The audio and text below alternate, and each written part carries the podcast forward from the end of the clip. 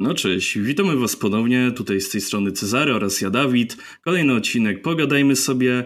E, tym razem postaramy się to nagrać trochę krócej, postaramy się wyrobić półtora godziny, bo ostatni odcinek był trochę za długi, e, więc tutaj w standardowej ekipie ja, Cezary, no, witamy. Tak, tak, tak, tak nawiasem to wiecie, to, to ja jestem Cezary, jakby coś, nie? Tak. E, tak, generalnie postaramy się skrócić to, bo ostatni podcast no, wyszedł długi, ale mam przynajmniej nauczkę na przyszłość, że jak już robimy jakiś kompasik polityczny, nie róbmy go razem z innymi pytaniami, z dodatkami, tak, bo sam ten kompas dwie godziny zajął, także na przyszłość już będziemy o tym pamiętać i wiedzieć, także dzisiaj staramy się to e, skrócić. Um, no i co? I, I generalnie zaczniemy chyba od takiego ataku pytaniami Olika, pytania są bardzo ważne, fundamentalne, mogące zmieniać cywilizację, kultury i narody. Tak. Zacznijmy od pytania pierwszego, kluczowego i najważniejszego. Dawidzie, czy adminofaszyzm to dobry pomysł? Tak. no. ja, ja, ja się też zgadzam. Generalnie w każdej grupie, w którym był adminofaszyzm, adminofaszyzm był spoko. Znaczy, jeśli admin jest um, zjebany, e, to nie będzie spoko. Ale jak to mówi Korwin, lepiej, żeby rządził dyktator, bo łatwiej się dogadać z jedną osobą niż z 400, z 400 posłami, tak? To znaczy, wiesz co, ale tak, znaczy pod kątem, nie wiem, grupek wszelakich, to akurat coś w tym jest, bo zauważ, że często jak się rozmnoży moderacja i administracja tak przesadnie, tak, ponad stan grupy, to najczęściej dochodzi do dwóch rzeczy. Albo już nikt tak naprawdę nie ogarnia całej grupki, w związku z tym nie ma nawet jedna osoba tej mocy takiej kontrolującej, koordynującej poszczególnych modów i adminów, ale z drugiej strony bardzo często dochodzi do przewrotów na grupkach, tak. bo demokraty zaczyna gnić, w związku z tym musi pojawić się nowy dyktator. Także mm, czy adminów jeszcze jest to dobry pomysł? Tak, i będziemy to testować na nadchodzącym Discordzie w naszym wykonaniu. Tak, Discord już, teraz już, jesteśmy, tak. Discord już niebawem, większość bota już skonfigurowałem, więc jak ktoś będzie próbował robić raid, tak jak na wojnie idei na przykład, to spadnie z rowerka szybciej niż mu się wydaje. E, I to nie z mojej ręki, tylko z ręki, e, jak to nazwałem, uciskanego algorytmu. Dokładnie, więc, tak. E, więc będzie dosyć fajnie, już jest tak, prawie gotowe, musimy zrobić testy i będzie, będzie git.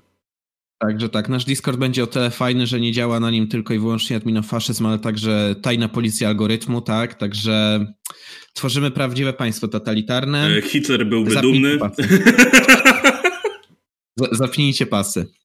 E, ale tak, Discord już wkrótce, jeszcze musimy porobić parę testów, dopiąć to i już wkrótce będziemy to ogłaszać. Tak by to um, Czarek, czy miałeś na myśli uh-huh. to, że e, w y, grupki na fejsie to jest udowodnienie to, że demokracja nie działa w małej skali, a właściwie w dużej skali, bo grupek jest bardzo dużo, jest tam bardzo dużo ludzi?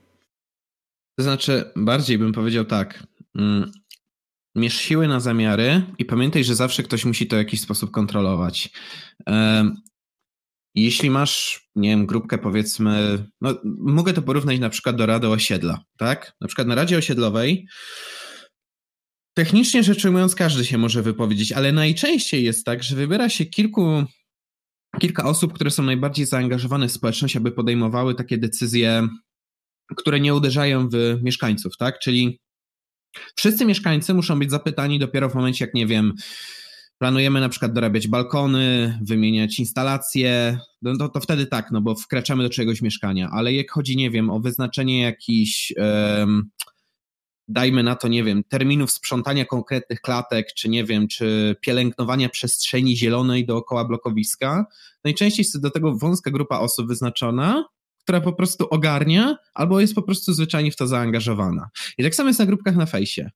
Jasne, jak to są jakieś fundamentalne zmiany dla grupki, dla jej formatu, dla funkcjonowania, jasne jak najbardziej, trzeba się ludzi zapytać, trzeba się z nimi skonfrontować. Warto też być otwartym w jakiś sposób na propozycje, które płyną od ludzi, tak? Ale, ale jeśli przy najmniejszych detalicznych decyzjach, które powinny być podejmowane przez właśnie wąską grupę adminów, bo to oni są jakby od zarządzania serwerem, jeśli serwerem czy grupką, jeśli takie pierdołowate czy no, czysto zarządcze decyzje są podejmowane przez wszystkich, to najczęściej taka grupa jest niefunkcjonalna, bo pojawia się zbyt dużo przeciwnych głosów. W związku z tym powiedziałbym, że może to nie dowodzi, że demokracja nie działa, tylko żeby nie przesadzać po prostu z jakimkolwiek ustrojem. Bo ani dyktatura w tym przypadku, ani taka pełna, bezpośrednia demokracja, ale Paweł Tenajno tu po prostu nie spełni swojej funkcji, tak? To jest zwykłe. Zresztą tak samo działają firmy. Też nie wszyscy pracownicy decydują, jasne, trzeba ich zapytać czasem o pewne sprawy, ale najczęściej, wiesz, po to się wybiera menedżerów czy szefów, żeby to oni decydowali, tak? No i tak samo jak się zarządza firmą, tak samo się powinno moim zdaniem grupką zarządzać, tak? Jak jesteś, jak jesteś e, przed, szefem przedsiębiorstwa i widzisz, o, w tym tygodniu nie walnęliśmy, jest super, tak samo na grupce. Jak jesteś zarządcą, to o, w tym tygodniu nie walnęliśmy, jest super i zaproponowali nam nową emotikonkę na Discordzie, też super. O, to, to, to jest twoje piękne zadanie jako admina faszysta. Tak. No. Dobrze, to powie, pozwól, że jeszcze przejdę do jednego pytania. Czy zrobimy podcast z kanałem Trybuna Polityczna, bardziej obiektywnym podcastem w Polsce? Znaczy ja w ogóle nie znam hmm. tego kanału, więc się nie wypowiem. Znaczy, ja ci powiem tak, Dawid. Um, mhm. Trybuna Polityczna to, to jest, ja sprawdziłem sobie po prostu przed, przed podcastem, to jest taki maleńki, maleńki e, maleńki kanał na YouTubie. E, nie przejrzałem za bardzo ich materiałów, po prostu zerknąłem, że jest.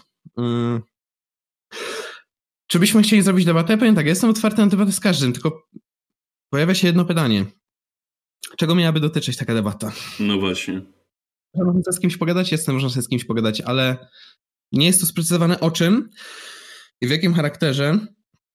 I ja rozumiem, że może jest odrobina przekąsu w tym komentarzu, ale wiecie, dał nam przy, przykład Szymon Pękala, że z komunistami rozmawiać też możemy, tak? Niekoniecznie wychodzi z tego rikczowy content, może bardziej śmieszkowy, no ale możemy. Także ja, ja serio, byłbym otwarty, tylko kwestia tego typu, o czym porozmawiamy i w jakiej formule i kto będzie tego pilnował, o, bo takie rzeczy zawsze trzeba dogadać. Także ja bym bardziej może się nastawiał na to, żeby na jakiejś neutralnej ziemi zrobić taką rozmowę wtedy. Także no. To, to, to, to tak do rozważenia. Neutralnej czy już Szymona? Szymona nad personem. Ostatnio się sporo debat odbywa, także no są tak. takie miejsca na YouTube w tej chwili. Jak najbardziej. Mm, dobrze, ale może przejdźmy do kolejnego pytania. Czy towarzysz Michał i Kiki 85UUU to Ying i Yang błędu symulacji, Dawidzie?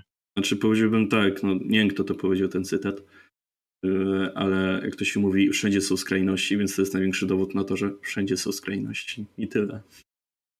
Tak, to, to, to ten jak, jak e, światło musi uzupełniać mrok, e, ciemna strona mocy musi konkurować z jasną stroną mocy, tak żeby rynkowo wytworzyć najlepszą jakość mocy, czyli taką, takich szarych Jedi, tak na przykład. Tak samo jak, nie wiem, pierś, jedyny pierścień władzy wywołał reakcję, tak, e, parszywego hobbita z Shire'u. I zawsze jak istnieje zło, musi istnieć dobrze. Czyli w naszej symulacji, jak istnieje taki Michał, to musi istnieć Kiki. Wszystko jest w równowadze, tak jak powinno być. Thanos wielki. Jak powiedziałeś szarzy Jedi, to mi się pewna konotacja w głowie pojawiła, właściwie porównanie. Jaka? Szarzy Jedi brzmi trochę jak żołnierze wyklęci, tylko w świecie Star Wars. O Boże. tak. Matko jedyna. Jezus Maria, tak sobie wyobraziłem teraz, wiesz, marsz pamięci pomordowanych Jedi w świątyni, tak? Podczas przewrotu Palpatina. Lukas, kurczę, dlaczego sprzedałeś te prawa? Mogłeś zrobić z tym jeszcze tak dużo. To, to był błąd. To był po prostu błąd. Lukas nie wiedział o tym, w jakim kierunku pójdzie Disney, tak? Mówisz, że Lukas o niczym nie wiedział? tak. Ja znam te tłumaczenia. Dobra, ale może lepiej przeskoczmy na kolejne pytanie. Czy anarchomina anarchomonarchizm jest możliwy. To w ogóle może istnieć? Ja się właśnie nad tym bardzo głęboko zastanowiłem. I widzę jedną możliwość, w której anarchomonarchizm może istnieć. Znaczy, to musi być po prostu monarchia bez struktur państwowych. Innymi słowy, monarcha może zabiegać o swoją pozycję, o swoje stanowisko, o swoją reputację, jakkolwiek tego nie nazwiesz, wyłącznie że tak powiem, drogami prestiżowymi.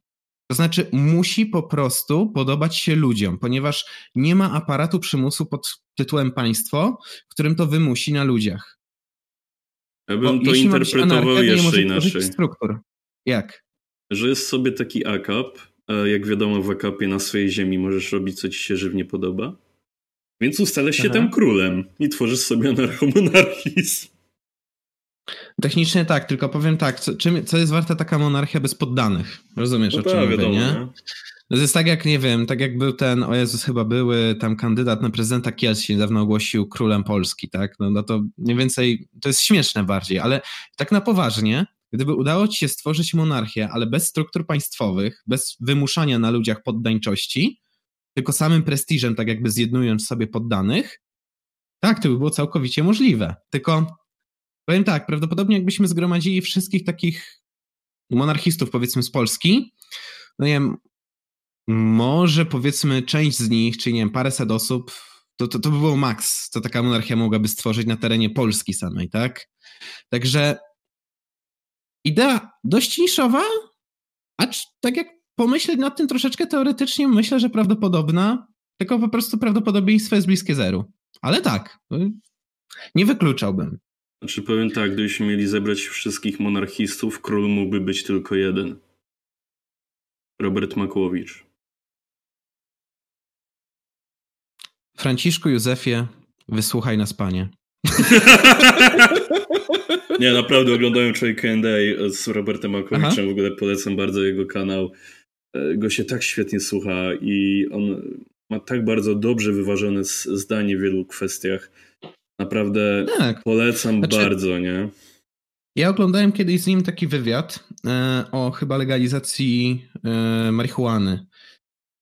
I pamiętam, że mówię, no niby go traktujemy jako kucharza podróżnika, ale gość naprawdę potrafi się całkiem sensownie na takie tematy wypowiedzieć. Właśnie tak spokojnie, wyważenie, ale jednak jednocześnie dość przekonująco. Nie to, że on tak, wiesz, pląta się między zeznania, zeznaniami, tylko bardziej mm, autentycznie w coś tam wierzy i on po prostu spokojnie to przekazuje, że tak, to może funkcjonować w ten i w ten sposób, tym swoim charakterystycznym, niższym głosem.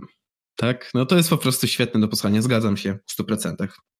Dawid, jeszcze nas Olik tu pyta, dlaczego taki krótki podcast? No jakoś tak wyszło. Kurczę, no, no wtopa, no wiecie, do, wiecie, do 24 godzin jeszcze nie dojdziemy, ale próbować warto, także... Czy właśnie sugerujesz, jeszcze... żeby jednym z celów na Patronite było zebranie hajsu na to, że zrobimy 24 godziny podcast live? Boże, jedyny. Znaczy, nie wiem, jakbym tu wysiedział, szczerze powiedziawszy, ja w moim pokoju bez wietrzenia. Znaczy, no to znaczy, wiesz, no ewentualnie trzeba by dokupić znaczy, wtedy lepsze tak. mikrofony tak. i po prostu wtedy można tak, wietrzyć, tak, bo, bo tak, się tak, tłumi to, nie? E, może jakbyśmy coś takiego zebrali, może kiedyś jakby jeszcze może jakaś akcja charytatywna się do tego o. przy okazji przepałętała, to nie mówiłbym, żeby coś takiego nie zrobić, tylko nie, nie wiem, że brałem to jako cel, tylko jako może po prostu jak się nawinie okazja, czemu nie? Ale póki co staramy się trzymać powiedzmy tej półtorej godzinki, dwóch godzinek, tak, bo, bo potem dopiero dostajemy komentarze typu ja pierdolę, ale mi to pasuje. Znaczy wiesz, dla niektórych y, jesteś motywatorem, żeby więcej spacerować, więc... Także oj tak, byczku, plus jeden kilometr. tak, tak było. Y. Dobrze, przeskoczmy jeszcze do jednego pytania od Olika pod rząd. Czy Lordi się sprzedało? Co to jest Lordi? Tak, drogi Oliku, Lordi się sprzedało. Lordi to jest zespół metalowy, który wygrał Eurowizję w 2006 roku. A, no to ja, ja, ja w świecie metalowym w ogóle nie siedzę. Gdyby nie Czarek, to bym w ogóle nic nie wiedział. Tak to wiem, mało, ale coś. Ja powiem o Lordi tak, to znaczy oni się sprzedali za, za pieniążki, za, za eurosy, za eurosy pewnie od Sorosa, także ja wam mówię, Lordi to jest spisek komuny. To jest nic więcej, tylko spisek komuny, finansowany pieniędzmi od Sorosa. Tak było. Nie wiem o co chodzi, ale brzmi śmiesznie. Dokładnie tak. I wiesz, wiesz co brzmi jeszcze śmieszniej? No. Koncert Lordi. Okej. Okay. Także co mam powiedzieć na temat Lordi? No, no wiecie, no, ja jak już się tak wkopałem trochę w gatunek, to dla mnie Lordi to jest taki, wiecie, taki, taki popik w sumie, tak? To jest nic więcej. Także tak, Lordi się sprzedało, tak przynajmniej z mojej perspektywy. Okej, okay, to w takim razie następne pytanie mamy od Banany. Mhm. I, I, brzmi tak. Jesteście w stanie wyobrazić sobie jakieś argumenty, które by was przekonały do częściowego regulacjoni, re, regulacjonizmu, regulacjonizmu, czy nawet kapitalizmu państwowego? Oczywiście, że tak. Ja nawet o tym mówiłem, jak wypełnialiśmy e, ten, wypełnialiśmy właśnie test poglądów politycznych. Ja zaznaczałem, że badania, które trwają na przykład nad, nazwijmy to wprost, biedą, wskazują, że czynniki biedy nie leżą tylko w braku kapitału, że te czynniki leżą także w braku dostępu do podstawowej opieki zdrowotnej. Odnajdujemy także źródła w braku infrastruktury podstawowej, podstawowej podkreślam, bo ja nie mówię, że podmiot prywatny nie może sobie rozwinąć sieci komunikacyjnej, która jest na, na, jego usługi nawet, tak, tylko chodzi o podstawowe, żeby na czymś w ogóle zacząć tak jakby rzeźbić. Um, i ja w tych, w tych pytaniach zaznaczałem często, że no ja na przykład zgadzam się z bardziej indywidualistycznym podejściem do ludzi, ale mimo wszystko zapewnić te podstawowe usługi, ze względu na które no, ten rozwój dalszy staje się zwyczajnie możliwy. Także mm, na przykład taki argument, tak, że, że udowodniono, że niemożliwym jest postęp gospodarczy bez likwidowania takich czynników biedy, jak na przykład e, brak podstawowego, wiesz, e, podstawowej opieki zdrowotnej. No to taki argument mnie powiedzmy przekonuje, e, tylko mówię, no prawdopodobnie jakbyśmy sobie tak pogadali oko w oko, mógłbym przytoczyć jeszcze parę przykładów. Byśmy doszli pewnie do jeszcze paru punktów, gdzie bym powiedział tak, pewne regulacje czy, czy, czy, czy jakaś tam interwencje są nawet uzasadnione. I tylko potem jeszcze pojawia się druga debata. W jakiej skali to zrobić i kiedy przestać? Bo z tym tak naprawdę państwa mają największy problem. Ale tak, częściowy regulacjonizm na przykład w tej sferze, o której wspomniałem, byłby jak najbardziej możliwy.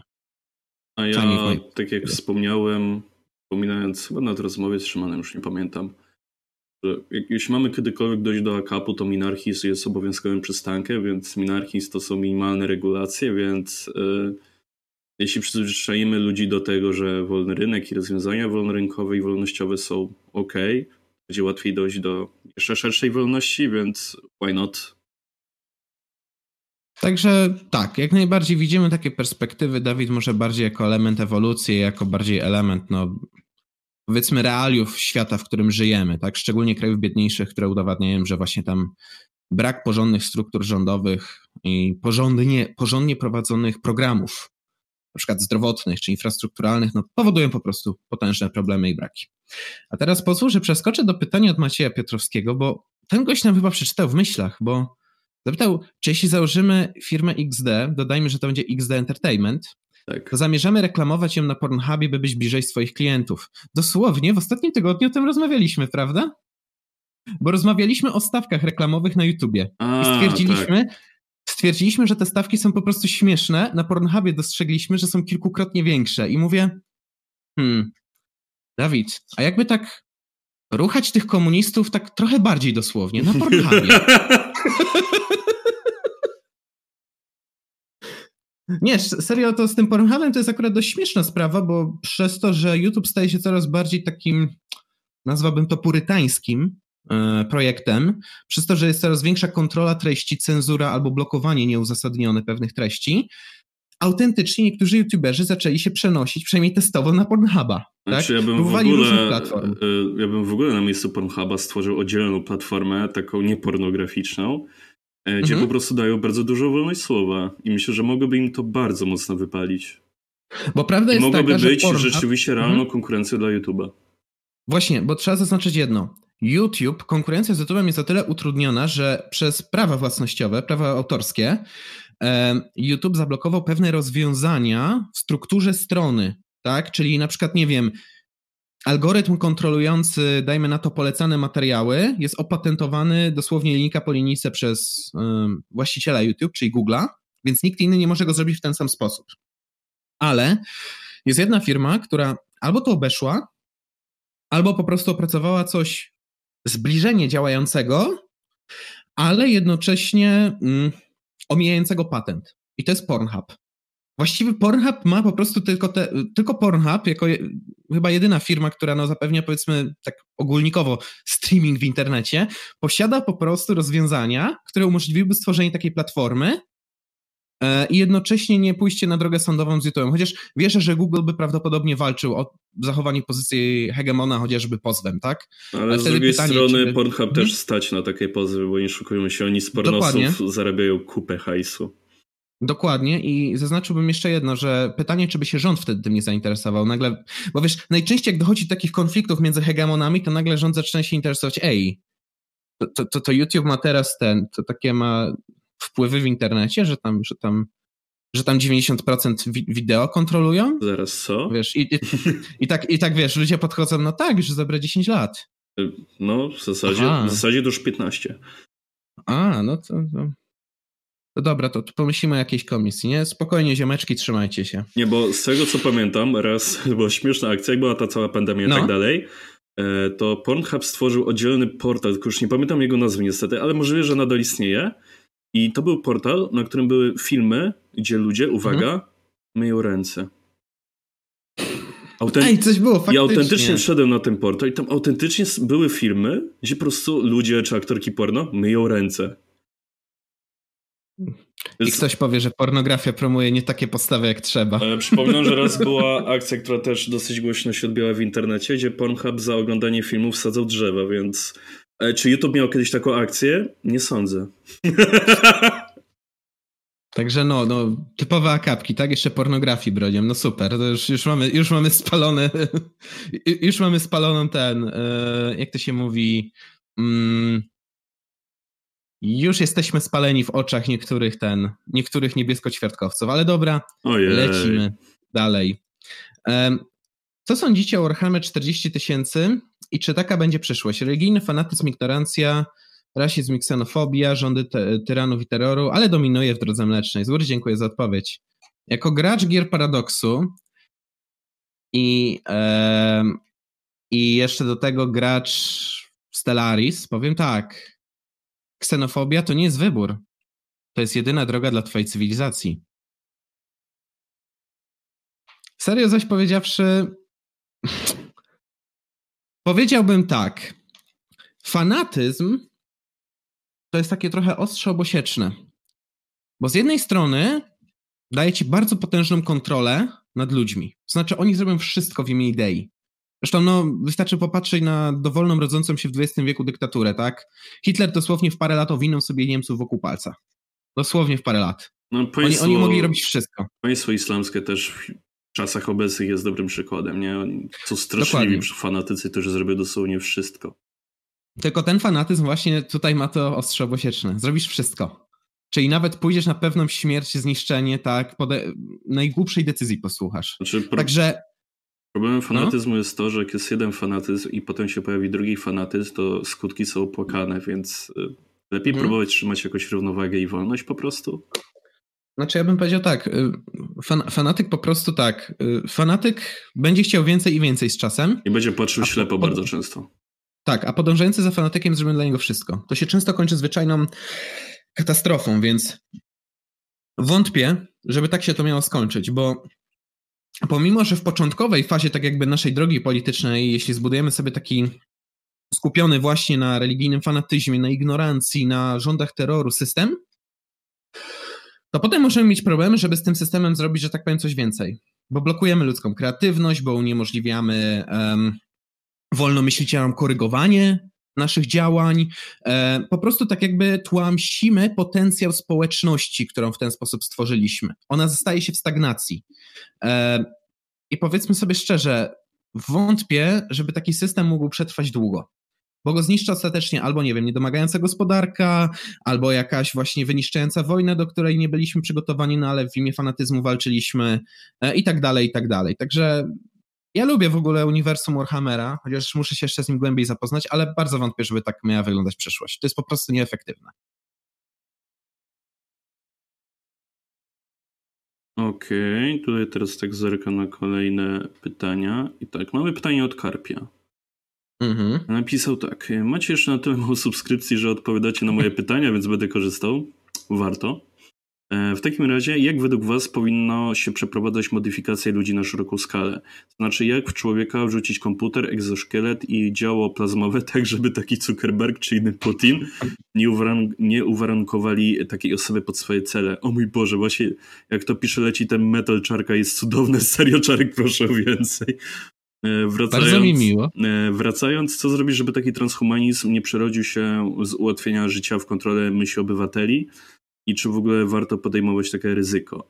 Na dodatek to może parę słów od Czarka o jego idealnym państwie brzmi ciekawie. Jeśli chodzi o transhumanizm, powiem tak. Elon Musk już robi duże, bardzo poważne kroki w tym kierunku i co, co najważniejsze, te kroki działają. Na, na świniach udowodniono, że, że działa i że może odbierać te bodźce.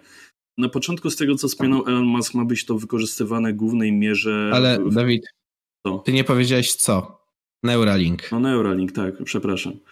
Y, więc tak, jeśli chodzi o Neuralink, Elon Musk wspomniał, że w głównej mierze ma być to wykorzystywane po to, żeby leczyć i pomagać osobom głuchym i, i niewidomym, żeby w końcu zaczęły słyszeć i widzieć. Więc zobaczymy, jak się rozwinie sytuacja. Ja powiem tak, jeśli chodzi o transhumanizm, to bardzo istotne uwagi wobec tego poczynił Szymon. W materiale na Szymon mówi właśnie materiał o wieży Babel. Polecam obejrzeć, bo tam fajnie to przedstawia, ale bardzo ciekawe uwagi w tym zakresie dokonuje też w Homodeusie mm, e, Harari, bo Harari zauważa, że tak naprawdę zapłacimy pewną cenę za przekraczanie naszego człowieczeństwa i tą ceną będzie właśnie taka wolność osobista. Przykładowo Wydaje się być dobrym pomysłem, żeby wpuścić ludzki krwiobieg e, nanoboty, które w jakiś sposób miałyby nadzorować ludzkie ciało. Czyli, nie wiem, miałyby pomagać białym krwinkom w niszczeniu napastników, miałyby skanować, co się z nami dzieje, czy czegoś mamy za dużo, czegoś mamy za mało, z czym tam się skorygować. No, ale taka możliwość pozwoli też na przykład, nie wiem, firmie, która cię ubezpiecza medycznie, albo nawet państwu, które cię ubezpieczy medycznie, to jest chyba gorsza z dwóch alternatyw, weryfikować, co się w twoim ciele dzieje. I załóżmy, że masz ustaloną tam jakąś stawkę ubezpieczenia mhm. i nagle takie boty wykrywają, że palisz. I automatycznie, bez w ogóle jakiegokolwiek kontaktu, jest ci podnoszona cena ubezpieczenia, bo jesteś palaczem, zwiększasz ryzyko wystąpienia na przykład nowotworów. Albo dajmy na to, że wykryje ci taki bot, że rozwija się w tobie no jakaś zmiana, którą trzeba zbadać, jeszcze nie wiadomo czy rak powiedzmy, tak? I jeśli nie zgłosisz się w ciągu dwóch dni do lekarza, to na przykład lawinowo zaczyna ci skakać też znowu składka, tak? Albo na przykład, nie wiem, ubezpieczyciel odżegnuje się od dalszych skutków postępowania potencjalnej przynajmniej choroby. Także czy da się to zrobić bez uniknięcia ingerencji? Właśnie wątpliwe.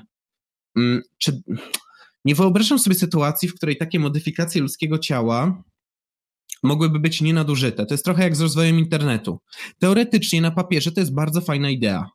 To znaczy, dosłownie łączymy wszystkich w jedną wielką sieć i z tej sieci sobie korzystamy, żeby no, sobie tam rozmawiać, grać, słuchać muzyki czy memować. Ale od razu pojawiły się też podmioty, które zaczęły na tym robić biznes, tak? Zbierać informacje o użytkownikach, targetować reklamy, i tak dalej, i tak dalej. I niestety mam wrażenie, że powtórzy się ten scenariusz przy okazji tak jakby przekraczania humanizmu, tak? Przekraczania granic homo sapiens. To znaczy, chcesz egzoszkielet? No proszę bardzo, ale jednocześnie będziemy na przykład nadzorować, co się dzieje z y, twoim ciałem, tak? Albo, nie wiem, chcesz Neuralinka? W porządku, ale na przykład będziemy wiedzieli, że popełniasz myśl zbrodnię. Także ja jestem trochę czarnowidzem, jeśli o to chodzi. Z jednej strony tak, chciałoby się jakby przekroczyć własne ciało, ale moim zdaniem nie unikniemy kontroli. To jest ta cena, którą zapłacimy. I to jest największy problem w tym wszystkim. Też niestety trochę widzę taki czarny scenariusz pod tym kątem, ale z drugiej strony też się staram patrzeć trochę optymistycznie. Dobrze wspomniałeś o tym, że mogłoby dojść do sytuacji, że zaczynamy palić, czy coś się dzieje w organizmie, to taki bezpieczyciel e, może bardzo szybko negatywnie zareagować w naszym scenariuszu. Ale z drugiej strony pytanie, czy rozwijanie się takich technologii transhumanistycznych też nie doprowadzi do sytuacji, gdzie na przykład te nanoboty, na przykład o których wspomniałeś, będą w stanie zlikwidować raka, gdy on jest tylko i wyłącznie jedną komórką. Już wtedy go dobić, zanim w ogóle zacznie się rozrastać. Albo. No, czy, czy nawet e, kilku, kilkuset, no, tak? Tak, albo wiadomo. nie wiem, cofać, my zapalimy, a te nanoboty wycofają negatywne skutki tego palenia. Dzięki temu będziemy mogli palić ciągle, bo te nanoboty będą co chwila się tego pozbywać. I być może wtedy z jednej strony wydłużymy czas życia człowieka na dużo, dużo dłuższy, z drugiej strony efektem motyla popchnie to na przykład branżę kosmiczną do tego, żeby bardzo poważnie już myśleć o kolonizacji kosmosu, bo za chwilę już nie będzie dla nas miejsca na Ziemi i tak dalej, i tak mhm. dalej, i tak dalej. Też dwóch czołowych, czołowych, dwóch jakby pionierów w sztucznej inteligencji. Niestety nie wymienię ich nazwisk, bo po prostu ich nie pamiętam, mam do tego słowo pamięć, przyznam szczerze. Ale w książce, którą czytałem, czyli Innowatorzy Waltera Isaacsona, oni otwarcie, to było na samym końcu książki gdzieś mniej więcej, pisali, że ich zdaniem, bo, bo już w czasach 80., 90., zeszłego wieku już powstawały takie teorie i też takie obawy, czy nie dojdzie do sytuacji, gdzie sztuczna inteligencja e, przejmie nad nami kontrolę, no bo będzie bardziej inteligentna i tak dalej, i tak dalej. I oni właśnie napisali, że ich zdaniem, bo, bo oni jakby bardzo mocno obserwowali i też przyczyniali się do, do poszerzenia sztucznej inteligencji, do rozwoju tej technologii, otwarcie też mówić, że ich zdaniem nie będziemy dążyć do tego, żeby sztuczna inteligencja jakby nad nami rządziła, podjęła kontrolę, mhm. tylko będziemy dążyć do tego, żeby sztuczna inteligencja była rozwinięciem inteligencji ludzkiej, rozszerzeniem. I w zasadzie Elon Musk, gdy prezentował Neuralinka, mówi dokładnie to samo, że on chce dążyć do tego, żeby Neuralink był rozszerzeniem ludzkiej inteligencji i, i ludzkiego ciała. I jak najbardziej myślę, że pod tym kątem będziemy szli w tym kierunku, żeby no, sprawiać, że ludzie będą bardziej doskonali, tak? I że będziemy w stanie nasz gatunek po prostu ulepszać. Ja nie neguję tego, że inteligencja, sztuczna inteligencja no jest rozwijana tak, żeby nie przyjąć nad nami potencjalnie kontroli. Problem jest w tym, że to inni ludzie będą nad nami poprzez te technologie przejmować nad nami kontrolę. To jest problem. No to tak. W sensie w sensie jest jeszcze jeden problem, o którym się nie mówi przy okazji rozwijania takich technologii, ale no, taka jest prawda, że takie technologie nie będą docierać do wszystkich porówno. One będą najpierw ekstremalnie drogie, mm -hmm. potem będą taniały, taniały, taniały, ale przez to będą się rozchodziły po takiej elicie społecznej. I teraz wyobraź sobie, że w takiej elicie społecznej będziesz miał dwóch prawników. Jeden jest wzmocniony Neuralinkiem, drugi nie. Czyli jeden ma dosłownie całą, wiesz, kartotekę sprawy, e, wszystkie kodeksy zakodowane w tym Neuralinku, tak? I ogólnie rzecz ujmując, ryzyko, że popełni błąd jest dużo mniejsze, bo w razie co ten Neuralink jest w stanie nie tylko przyspieszyć jego procesy myślowe, ale także tak jakby sprowadzić więcej danych naraz, tak? Więcej danych do porównania czy analizowania. I teraz wyobraź sobie, że taki ktoś staje w szranki z osobą, która nie ma Neuralinka mm. na sali sądowej. No, tak. no sorry, ale to stworzy sytuację, w której będą lepsi i gorsi. Będzie jeden gatunek ludzki i drugi. Pamiętajmy, że Homo sapiens, żeby zdominować świat, musiał pokonać jeszcze dwa inne gatunki ludzkie. I prawdopodobnie możemy też dążyć znowu do takiej sytuacji. Dlatego jestem czarnowidzem. Jasne, wierzę, że na przykład, nie wiem, konkurencja na rynku tego typu rozwiązań ulepszających człowieka mogłaby pomóc. E, jasne, wierzę, że taka konkurencja mogłaby wytworzyć podmioty, które mogłyby konkurować między innymi tym, że wiesz, gwarancje typu my nie będziemy ingerować w twoje ciało, niczego nie zbieramy i tak dalej. Ale wątpię, żeby ktokolwiek w to poszedł, bo jest po prostu za duża kasa w tym wszystkim to też myślę, że jeszcze jeden będzie skutek tych wszystkich zmian człowieka. Prawdopodobna zmiana systemu gospodarczego, w którym będziemy żyli, bo będziemy nadzorowali więcej danych i będziemy więcej wiedzieli o ludziach, niż wiemy w tej chwili.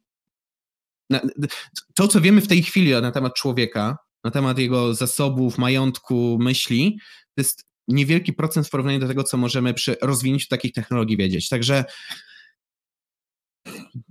można wprowadzać konkurencję, ale nie wierzę, żebyśmy przez to uniknęli czarnego scenariusza. A jeśli, jeśli chodzi o ten dodatek dotyczący idealnego państwa, o który tutaj zapytałeś, Karpiu, to powiem tak. Idealne państwo, żeby w moim umyśle stworzyć, wymagałoby najpierw pokonania bardzo po poważnych barier. I to nie są bariery prawne. Pra prawne można zmienić tak. Trzeba tylko do dokładnie przemyśleć, jak będziemy dopasować klocki. I na przykład, nie wiem, no, no zmiana powiedzmy kodeksu pracy, kodeksu karnego, kodeksu cywilnego, cyk, cyk, cyk, cyk. Naprawdę to można zrobić szybko. Dużo większym problemem byłaby zmiana mentalności ludzi. Ja w moim idealnym państwie stawiałbym mocno na indywidualizm. Ja oczywiście często podkreślam, że jakbym szedł do takiego systemu, musiałbym najpierw budować pewne określone postawy wśród ludzi. Czyli nie to, że na przykład wszystko sprywatyzuję od ręki, tylko no na przykład programy socjalne odcinałbym stopniowo od ludzi.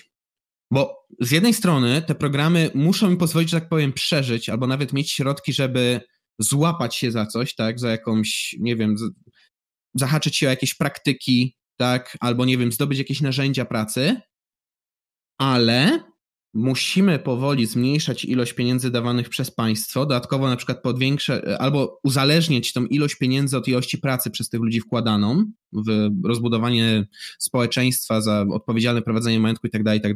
Mhm. I takimi drobnymi kroczkami musielibyśmy dochodzić do społeczeństwa odpowiedzialnego, świadomego i mogącego wziąć, że tak powiem, ster swojego życia w ręce, tak? Na przykład nie zbudujemy szwajcarskiego społeczeństwa. Ja wątpię, żebyśmy byli w stanie zbudować społeczeństwo takie jak Szwajcarii w ciągu, nie wiem, 100 lat czy 200 lat. To, to może zająć całe setki lat, wieki, tak? E, dlatego, jak mówię o moim idealnym państwie, w którym stawialibyśmy raczej na indywidualną odpowiedzialność i swobodę decyzyjną. Żeby do tego dojść, ja jestem świadom, że musiałoby dosłownie mieć setki lat budowania postaw odpowiedzialnych, budowania świadomości mm, społeczeństwa czy systemu, w którym funkcjonujemy, ale co ważniejsze, musielibyśmy też, jak to często Korwin właśnie podkreśla, musi wymrzeć mentalność starego pokolenia. A to się nie dzieje szybko. I to się buduje małymi kroczkami. Pokolenie po pokoleniu trzeba ludzi przyzwyczaić, że kolejne pokolenie musi wziąć na swoje barki coraz więcej, ale na przykład wynagradzamy to, nie wiem, mniejszym obciążeniem podatkowym. I tu jest jeszcze jeden problem tego systemu. Żeby go wprowadzić, nie mogłaby istnieć demokracja w tej formule, w której teraz istnieje. A to na pewno. Bo to jest demokracja, która zmienia co 4 lata rząd. A ja mówię o zmianach, które miałyby trwać dziesiątki, jak nie setki lat. Także zupełnie inna forma rządów by tutaj musiała mnie korcić i ja już rozważałem różne koncepcje. Na przykład yy, nawet monarchia mnie nawet przekonywała w jakimś tam stopniu, ponieważ to jest taki system, który yy, łączy odpowiedzialność za państwo z faktem, że musimy to państwo przekazać potem naszemu dzieciakowi. To nie jest oczywiście gwarancja i to nie jest system pewnie idealny, bo mieliśmy już wiele dynastii, które po wielu setkach lat nawet dobrego funkcjonowania nagle padały albo popadały w korupcję, intrygi dworskie itd., tak itd. Ale na pewno nie mogłaby to być demokracja w obecnej formule, bo taka demokracja co chwila zmienia kierunek, tak? Jest chaotyczna jak jasna cholera. To, to mam nadzieję, że spuentowałem i bardzo dziękuję za ciepłą opinię na temat utworu. Ale tak, dobrze, może o utworze to się wypowiem troszeczkę później. Może do jakiegoś kolejnego pytania przejdźmy. Okej, okay, w takim razie, Czarku, czy utylitaryzm jest ok? To zależy. znaczy, bo, bo utylitaryzm możemy sprowadzić do takiego pięknego sformułowania zdrowy rozsądek. Mm. I wszystko, co jest pożyteczne, jest dobre. Ale to się już będzie kłóciło z bardzo wieloma ideami i koncepcjami filozoficznymi, politycznymi, społecznymi, bo na przykład tak, ostatnio podjęliśmy taką debatę przy okazji tego testu yy, w sprawie dokonywania eutanazji. Mhm. Bo rozmawialiśmy o tym, czy no, czy nie jest że tak powiem, efektywnym, użytecznym, pożytecznym, jak na przykład skrócimy czyjeś cierpienie. No i tutaj może, ja już zaznaczyłem, może się odpalić moralność, nie wiem, kogoś w stylu, nie, życie jest święte, nie może. E, albo ktoś mógłby na przykład stwierdzić, że um, no on po prostu nie jest w stanie tego zrobić, pomimo, że to może jest użyteczne dla społeczeństwa, ale on sam w stanie nie jest odebrać komuś życia, jakiś lekarz, tak? W związku z tym nie zgodzę się z tym, że to, co jest pożyteczne, musi być koniecznie dobre. I najlepiej to znowu będą potwierdzały systemy totalitarne, gdzie to, co pożyteczne w nawiasie dla partii, niekoniecznie było pożyteczne dla całej reszty. Tak? Utylitaryści to są też troszeczkę tacy relatywiści. Są niepewni. Ja bym był po prostu niepewny tego, co utylitarysta może zrobić, co uzna za, pożyteczne, bo to jest mocno subiektywna, wbrew pozorom, koncepcja, co jest użyteczne. Także taki zdrowy rozsądek, taki utylitaryzm, co możemy uprawiać, nie wiem, na wujka u imieninach po pięciu kieliszkach wódeczki, tak? Ale nie uprawiajmy tego w polityce, bo utylitaryzm wbrew pozorom jest bardzo mocno nieprzewidywalny, bo jest dość ogólnikowy, a zasada użyteczności może być mocno, mocno nadszarpnięta, tak? Bo jeszcze jest jeden problem z tą zasadą użyteczności, że pytanie, czyja użyteczność jest ważniejsza na przykład użyteczność rządu albo użyteczność obywateli, użyteczność jednej grupy społecznej, użyteczność drugiej grupy społecznej. Nie da się tego kwantyfikować i będzie wiele szkół, szczególnie związanych, y, wiele szkół politycznych, które powiedzą nie. Pewne, pewne takie a priori zasady moralne uniemożliwiają stwierdzenie, że nie wiem, jedno jest lepsze od drugiego, że jedna użyteczność jest ważniejsza od drugiej, że twój ból jest lepszy niż mój. Także nie, jestem antyutylitarystą, jeśli już. Okej. Tutaj widzę, że dostaliśmy opinię od Falafela e, odnośnie Partii VIP. E, napisał tak. Po zobaczeniu pizzy hawajskiej w hymnie Partii VIP podejrzewam, że jest to troll partii Rikcz Paweł Katanajno. Powiem tak. Przy tym, co ostatnio robiła partia VIP, to naprawdę można uznać Pawła Tanajno za poważnego polityka. Naprawdę.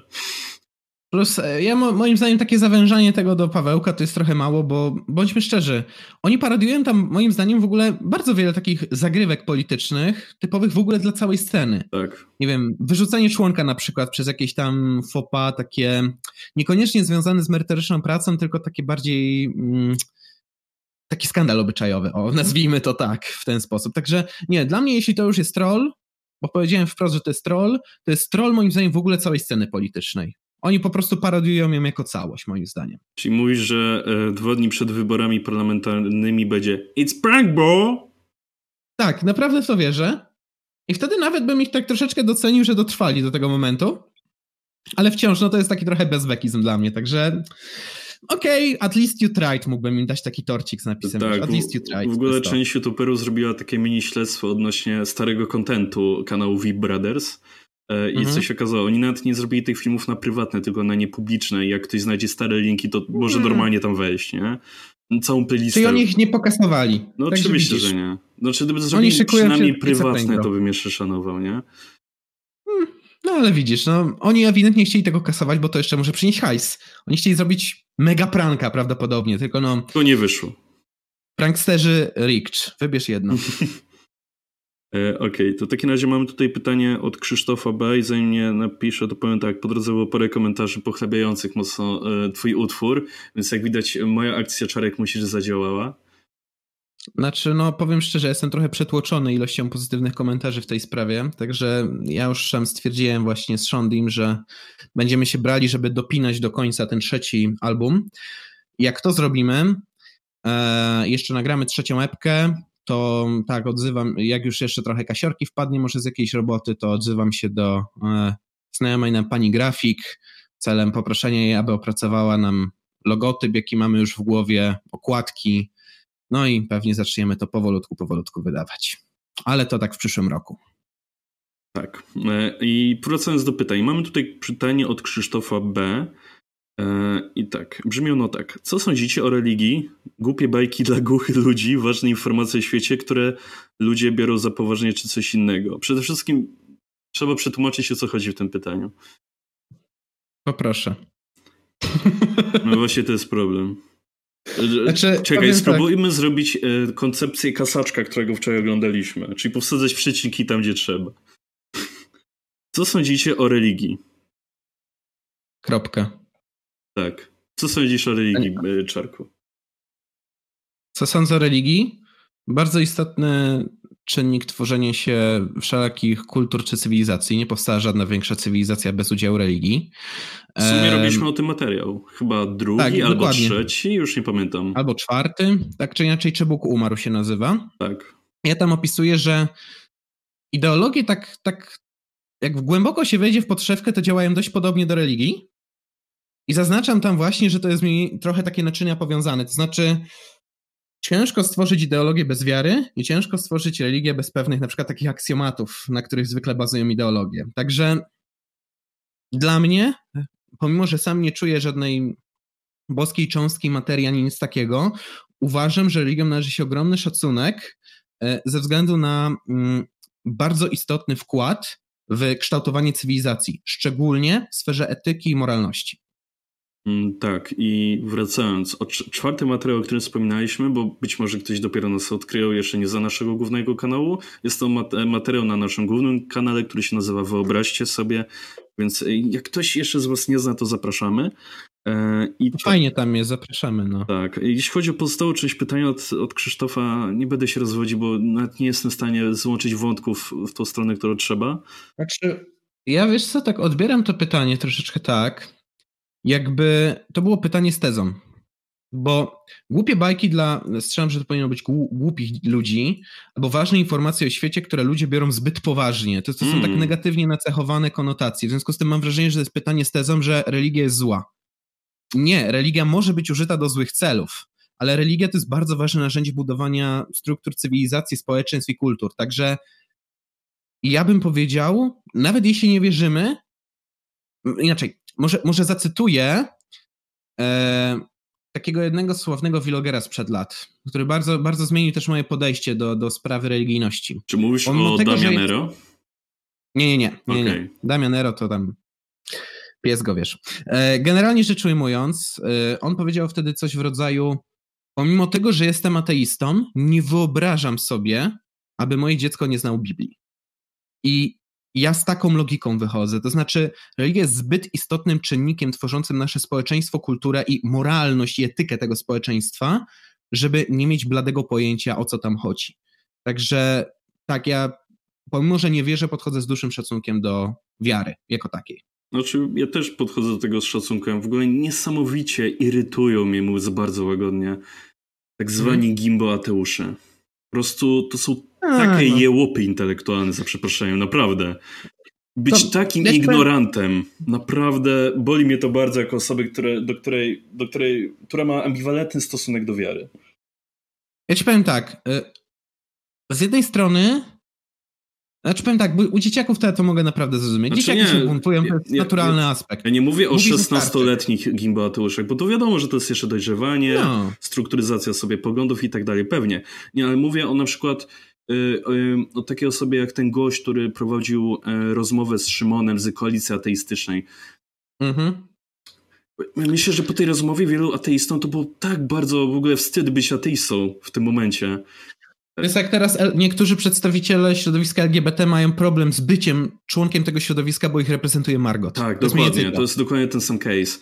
E, ja mhm. w ogóle bardzo polecam e, ostatni film. E, daj mi sekundę, już na szybkości spojrzę, jak on się nazywa. Jasne.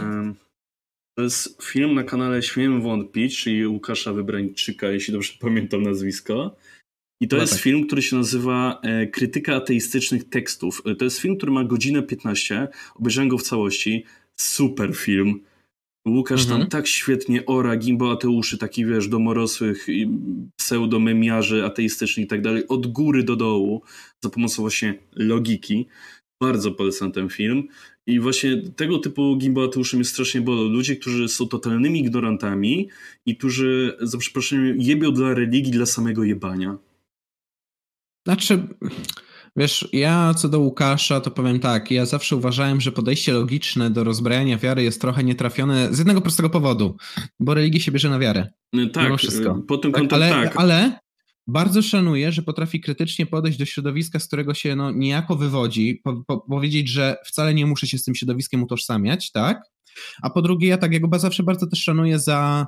E, przyznam, czasami może zbyt skomplikowane elaboraty, ale zawsze jednak jakoś tam trafiające w jakiś punkt. Także tak, ja Łukasza też serdecznie polecam i co prawda tego konkretnego materiału nie widziałem, ale jestem zachęcony, żeby zobaczyć. Możemy mm, nawet ale tak, zerknąć tak, jak... razem, jakbyś wpadł później. Tak, e, ale ten, generalnie rzecz ujmując, jeśli chodzi o, o śledzenie Łukasza, to tak, ja, ja zawsze go szanowałem po prostu też ze sposób prowadzenia materiałów i zresztą też zawsze dla mnie stanowił jakąś tam powiedzmy mini inspirację przy, przy tworzeniu naszych materiałów, także tak, jak najbardziej. Okejka, plus i myślę, że możesz jakieś kolejne pytanie wybrać odblokuję telefon. W międzyczasie powiem, oczywiście, jeśli chodzi o nieskończoną idylę, e, Odyseję pomiędzy Szymonem a Łukaszem, to e, no, Łukasz tam trochę za bardzo idzie w logikę czasami, e, ale dzięki temu mamy nieskończone filmy, nie, nie, nie, nieskończony ciąg niczym Naruto w anime. Dokładnie tak. Więc fajnie, ale jest jedna rzecz, tak krótko powiem, którą uwielbiam w Łukaszu. Jego głos tak. jest idealny. Po prostu tak mi się... Zgadzam się. On by mógł autentycznie, za przeproszeniem, pierdolić głupoty, ale tak by mi się tak nadal tego świetnie słuchało. Dokładnie tak. Ale dobrze, przejdźmy do kolejnego pytania, bo żeby nas już tak, wiesz, czas tak. nie naglił potem. E, więc już tutaj szybko zerkam. O, tak. E, mamy pytanie odnośnie e, zdania na temat piosenki Iwana Komarenko. Powiem tak, ja sobie tej, tą piosenkę posiłem przed podcastem dosłownie byłem w stanie odsłuchać 40 sekund. Znaczy, zacznijmy od tego, że nie cierpię disco polo i jakikolwiek pochodnych do, zbliżających się bardzo mocno do disco polo, więc ja mam bardzo małą tolerancję, natomiast ja wytrzymałem dosłownie 40 sekund słuchania tego. E, jeśli chodzi o tekst, który tam pada, e, nie czekujmy jakiejkolwiek merytoryki w muzyce, naprawdę. Nie, wiesz co, ja, ja, ja po tym utworze to mam ochotę powtórzyć rzecz, którą powiedziałem na streamie z Szyłonem, jak graliśmy w Heroesy. Ja lubię muzykę awangardową, ale bez przesady. Naprawdę. Także rozumiesz, bo on tam zrobił jeszcze taki boomerski żarcik na końcu utworu, że he, nie powiedział przekleństwa, także nie, po prostu jak ja to słuchałem, to miałem takie... Zaraz, zaraz, zaraz. Nie. Wytłumacz ten boomerski żart, bo chyba czegoś nie załapałem. Wiesz co, w takim razie, nie, ja nie chcę tłumaczyć. Każdy, kto się prze, chce przekonać, włącza sobie ostatnie 10 sekund utworu. Bez problemu załapiesz, dobra? Dobra, to sobie puszczę po podcaście, okej. Okay. Dokładnie. E, dobra, to pozwól, że teraz ja jedno pytanko wybiorę. Pewnie. W ogóle tu nasz sportowiec rzucił komentarz, jest podwójna stopa, daje łapkę w górę. Shondi lubi to, także dziękujemy pięknie. I pytanie znowu od Banany. Czy czy, czy tylko moim zdaniem konserwatystom jest bliżej do left lip niż libertarian? W końcu left lip zależy na innych ludziach i chcą dbać o społeczność. Czy na przykład są za ratowaniem osób chcących się zabić, więc to chrześcijańskie wartości, podczas gdy libertarianie mówią rób ta co chce, ta wolność jednostki, indywidualizm i siema. Um, moim zdaniem trafiamy tutaj na taki, taką, taką trochę szarą sferę kompasu politycznego, bo nie jest ważne, że chcą no dobra, chcą ratować osoby chcące się zabić. Pytanie z jakich pobudek? Bo wiesz, że chrześcijaństwo mówi o miłości do bliźniego. Podczas gdy mam wrażenie, że left libi yy, najczęściej robią to, znaczy mogą to robić z troski, ale często się też to dzieje w tych środowiskach, to chyba Peterson zauważał, ze względu na chęć podbudowania własnego ego. Znaczy, biorę udział w jakichś akcjach, bo podświadomie tak naprawdę chce tylko podbudowywać swoje ego w społeczności. Chce być przez tą społeczność jak najbardziej szanowany, tak, za to, co robię.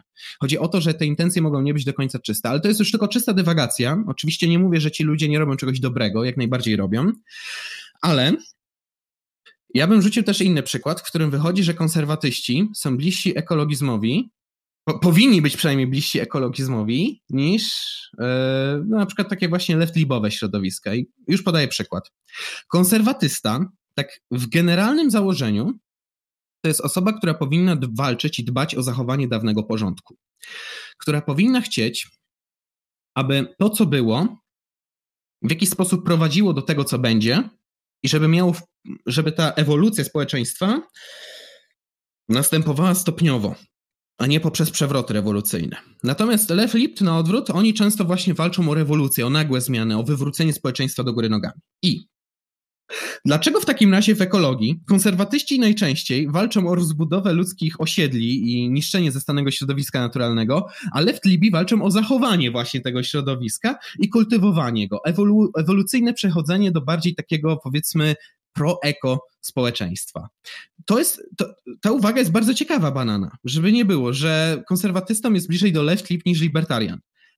Ale zależy, jakie przypadki tu podstawimy, e, i możemy znaleźć masę jeszcze takich prawdopodobnie sfer, w których dojdziemy do wniosku, że moment, wierzycie w to, więc dlaczego w tej sferze postępujecie inaczej? Bo idee ewoluują i nie są aż tak uniwersalne, jakbyśmy chcieli, żeby były.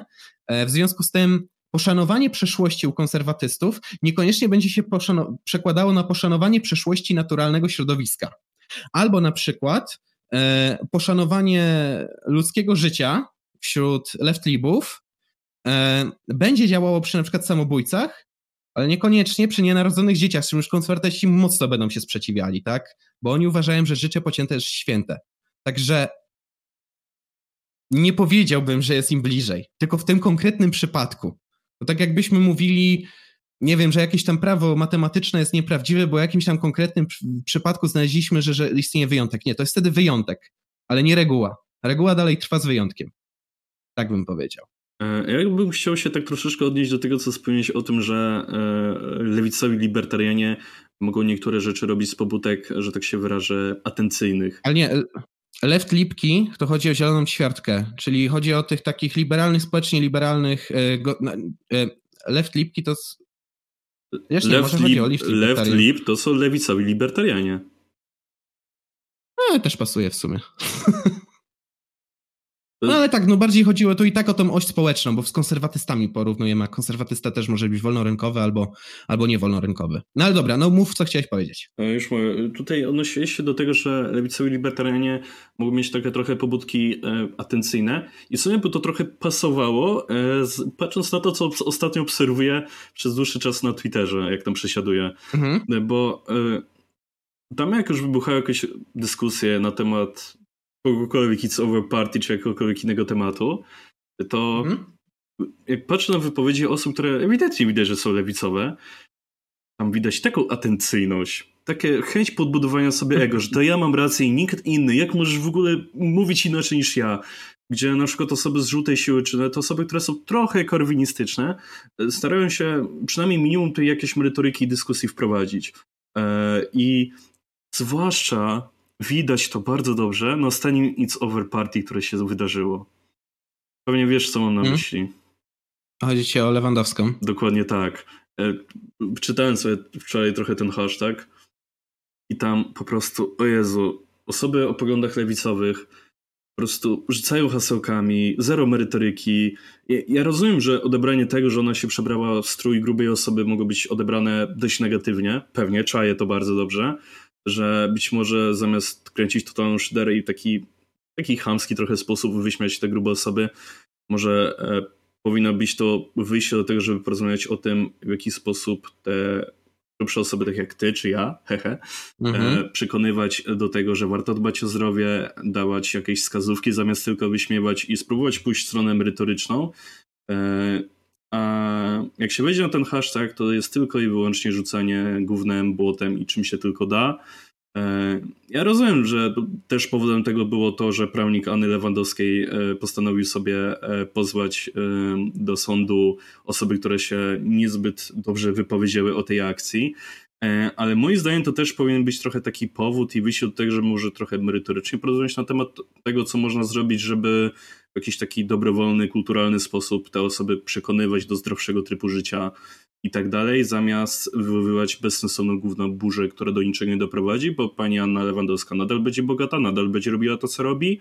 E, jej kierowcy, jak ona znowu coś, za przeproszeniem odjebie, znowu kryją posty i napiszą, że przepraszają, że w ogóle nie dyskryminujemy grubych osób i tak dalej, więc może starają się z takich akcji coś wynosić, zamiast robić gównoburzy dla gównoburzy. Mi tego nie musisz mówić, powiedz to internetowi, nie? No tak. Ale tak, to dokładnie, no potwierdzenie jako tą tezę Petersona, którą tu przytoczyłem. Dobrze, to pozwól, że skoczę do jednego komentarza, mi się bardzo podoba, jest świetną puentą na naszą rozkminę dotyczącą religii. E, Maciej Piotrowski, e, Piotrowski napisał, jeśli religia to opium dla ludu, to współczesna wykładnia antyteistyczna to amfetamina dla pseudointeligencji. Tak, dokładnie, tak może e, być. Biorąc pod uwagę Gimbo Ateuszy, tak, Dokładnie. E, Banana jeszcze rzucił nam pomysł, żebyśmy zrobili test 8 Rabin. Tak, mamy go też na celowniku, będzie, tylko znowu, jak nie będziemy odpowiadać na pytanka, żeby, żeby się skupić tylko na tym teście i tyle. Um, tu jeszcze się odniosę do jednego komentarza Minakami Mario. Mhm. Oglądałem naukowy beł, bełkont i prowadzący mówi o tym, że w Szwecji mogą sobie pozwolić na nieprzebywanie w domach podczas pandemii, bo oczywiście jest ich mniej, mniejsze zaludnienie itp., ale też, że uwaga, mają bardzo duże podatki, 70% i że to dobrze, bo pomaga rządowi zakupić więcej respiratorów itp. itd. Tylko pamiętajmy jeszcze o takim jednym ważnym, właściwie dwóch ważnych czynnikach. Po pierwsze, Szwecja jest krajem, który w, w Europie najdłużej nie prowadził wojny. Oni od XVIII wieku nie prowadzili żadnej wojny. To jest najdłużej utrzymujący pokój kraj na tym kontynencie. A po drugie, to jest kraj, który jeszcze do lat 80. poprzedniego wieku miał chyba jeden z najdzikszych kapitalizmów, jakie widzieliśmy na tym kontynencie. I oni wtedy nagromadzili masę majątków, masę pieniędzy. Właśnie dlatego ja tak lubię zażartować, ale dlaczego tyle szwedzkich death metalowych i mm, norweskich black metalowych zespołów powstało w latach 90.? Bo ich rodzice wcześniej zachrzaniali, mieli dość kasy, żeby kupić potem dzieciakom sprzęt i wynająć salki na próby. Ale generalnie rzecz ujmując, mm, generalnie rzecz ujmując, oni mogą sobie teraz pozwolić na takie wysokie podatki i jasne, mogą sobie za nie coś kupić.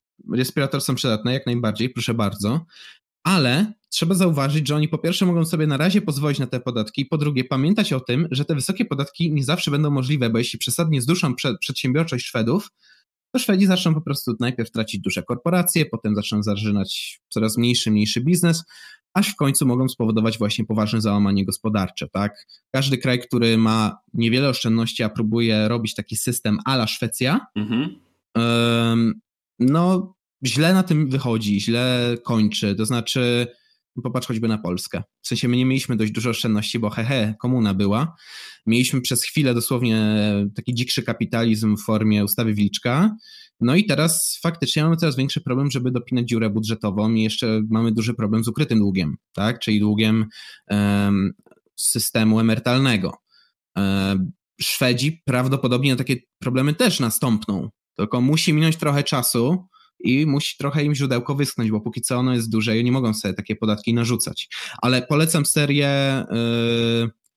o Maria, to była seria prowadzona przez Chmielowskiego, Wolność, o Jezus Maria, teraz uciekła mi nazwa, to była Wolność pod ostrzałem. O, Wolność pod ostrzałem i tam jest świetnie wytłumaczony ten mit szwedzkiego kapitalizmu. Pokazane, że jasne, to na papierze i w danym momencie może działać nieźle, ale nie zawsze będzie tak działać i są ku temu poważne przesłanki.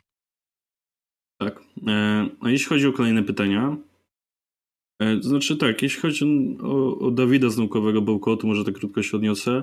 E, nie wiem, czy tak powiedział, bo no, nie pamiętam po prostu wszystkich materiałów, ale weźmy też pod uwagę, że to jest osoba, która świetnie zna się na kwestiach biologiczno-chemicznych, a Duży problem u ekspertów w danym temacie jest taki, że jak mają świetną wiedzę na jeden temat, to na całą resztę jest bardzo, bardzo uboga, więc wiadomo, też mm. trzeba takie rzeczy brać przez gruby filtr.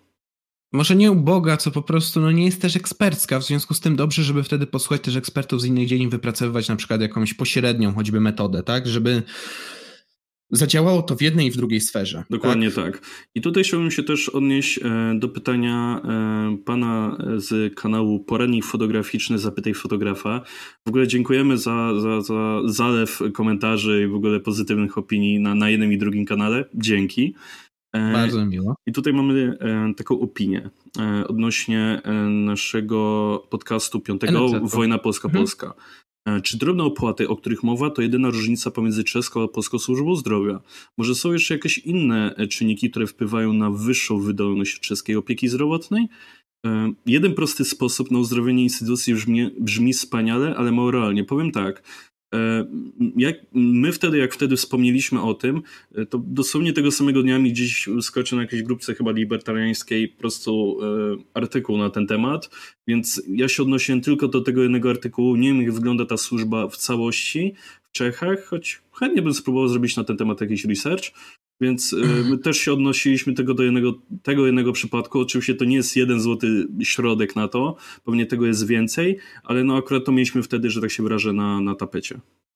Dokładnie. Poza tym jasne, My podawaliśmy po prostu, że ten jeden aspekt wprowadzony już mógłby nam poprawić służbę zdrowia. Nie mówimy, że w czeskiej nie ma innych czynników, które pomagają temu funkcjonować i że nie znaleźlibyśmy tam jakiejś patologii. Dlatego nigdy nie sugeruję, żeby przekopiowywać system z jednego kraju do drugiego, bo najczęściej nie uwzględnimy w nim patologii poprzedniego systemu, jeszcze dodatkowo wytworzymy nowe, bo one inaczej będą się gryzły z realiami naszymi. Także po prostu zaznaczyłem, że to jedno rozwiązanie, to znaczy rozbicie NFZ-u na kilka konkurujących ze sobą podmiotów, mogłoby przynieść korzystne rezultaty w postaci większej konkurencji, co się przełoży na wyższe płace dla lekarzy, czy na przykład zmniejszenie wielkości kolejek. Także jasne, musielibyśmy głębiej zbadać temat zwyczajnie, ale dziękujemy za spostrzeżenie, jak najbardziej, e, jak najbardziej jest w tym dużo racji. I jeśli pozwolisz, Dawid, to przeskoczę do pytania od Niwata mhm. E, dotyczącego modyfikacji genetycznej. To jest bardzo długi komentarz, także znowu nie będę całego przytaczał, ale zachęcam tutaj do poczytania szczególnie właśnie o metodzie CRISP, bo tak, poczytałem sobie o tym też w międzyczasie, bo przyznam, że bardzo ciekawa, e, bardzo ciekawa lektura. No to możesz trochę mhm. opowiedzieć, bo ja się nie wgłębiałem. Znaczy, ciężko mi będzie to właśnie wytłumaczyć teraz na e, tutaj w czasie podcastu. To, to by wymagało troszeczkę rozwinięcia, ale polecam ci po prostu poczytać i tyle. Okay. Generalnie rzecz jednak ujmując, e, zaznaczone jest tutaj, że wszyscy jadą po modyfikacjach genetycznych, gdzie one teoretycznie mogłyby mieć wiele zalet, e, pod warunkiem, że będziemy robili to z głową, czyli że nie wiem, nie będziemy z tym przesadzać, nie będziemy programować człowieka od początku do końca, tylko powiem tak. E, z jednej strony łatwo dostrzec tego korzyści, ale ja zawsze lubię przerzucać takim sformułowaniem Bastiata, co widać, czego nie widać.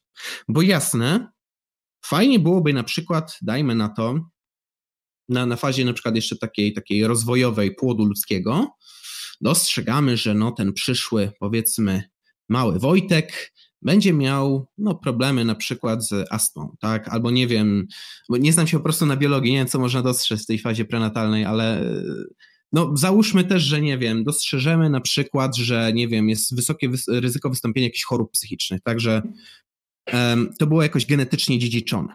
W związku z tym, super, e, zmodyfikujmy to sobie i mamy, miejmy dziecko, które będzie zdrowsze. Tylko czy jakikolwiek rodzic poprzestałby na tym, dlaczego jeśli na przykład możemy usunąć, nie wiem, ryzyko wystąpienia schizofrenii u dzieciaka, to nie możemy pójść krok dalej i na przykład podkręcić jego inteligencji, żeby skończył lepszą szkołę i miał potem lepszą pracę. Żeby na Albo przykład nie możemy... wyglądał jak czaty. Na przykład, co tak, no, taka prawda, albo na przykład dlaczego nie możemy podkręcić jego wydajności metabolicznej, żeby na przykład wolniej tył, tak, że mógł sobie więcej pozwolić na zjedzenia, żeby nie przytyć. E, masę, masę rzeczy moglibyśmy tak modyfikować i sęk w tym, że Znowu to się odniosę do książki Harariego, bo w Homodeusie też było pisane o takim interwencji biologiczno-genetycznej człowieka. To ma potencjalnie dwa bardzo negatywne, trzy bardzo negatywne skutki. Pierwszy jest taki, że taka ingerencja prowadziłaby dosłownie do projektowania człowieka i każdy człowiek, który byłby niezaprojektowany, byłby gorszym gatunkiem, w związku z tym szedłby raczej pod odstawkę, byłby w gorszej kaście społecznej. E, troszeczkę alegorycznie, jak się odnosiłem do modyfikacji cybernetycznych wcześniej, tak? E, drugi poważny problem z tym wszystkim jest taki, że mm, jeśli byśmy ingerowali w to metodami chemicznymi, niestety to jest najprostszy sposób, żeby sobie ludzi zacząć kontrolować. Bo, no, dajmy na to, e, już mówi, mówiono o tym w Nowym Wspaniałym Świecie. Tam wszyscy zażywali e, pewien narkotyk, który sprawiał, że byłeś bez przerwy szczęśliwy. Tak, tak. I jeśli mogłeś wybierać, czego zażywać, czego nie zażywać, to jasne, że go zażywałeś, tak?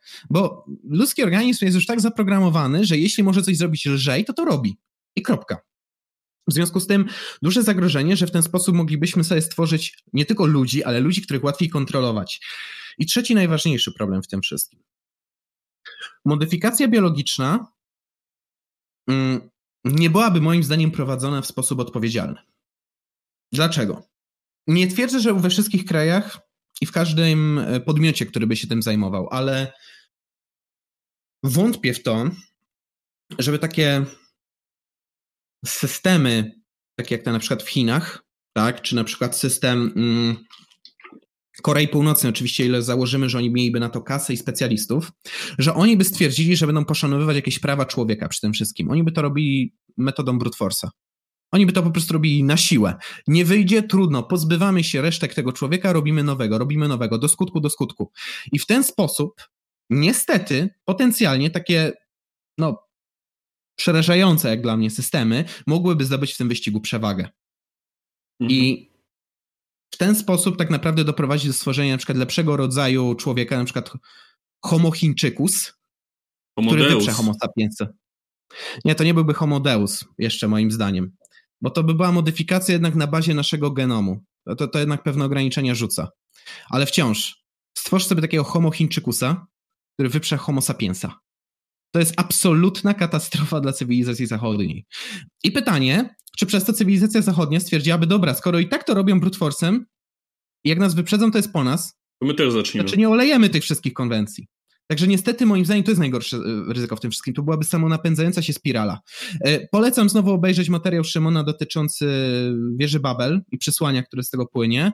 Zachęcam do zainteresowania się książką Homodeus, bo tam są bardzo szeroko są przedstawione te zalety i metody modyfikowania także biologicznego ludzi, także jak najbardziej tam Niwat będzie dla ciebie bardzo interesująca lektura, ale są też przedstawione te zagrożenia. Dlatego Jasne, też się zgodzę z tym, że no super byłoby mieć na przykład lepszy metabolizm i nie siedzieć teraz z nadwagą, ale z drugiej strony już wolę chyba tę nadwagę niż być zaprojektowanym od początku do końca i być ekstremalnie posłusznym władzy, która no może nie być taka moralna, tak?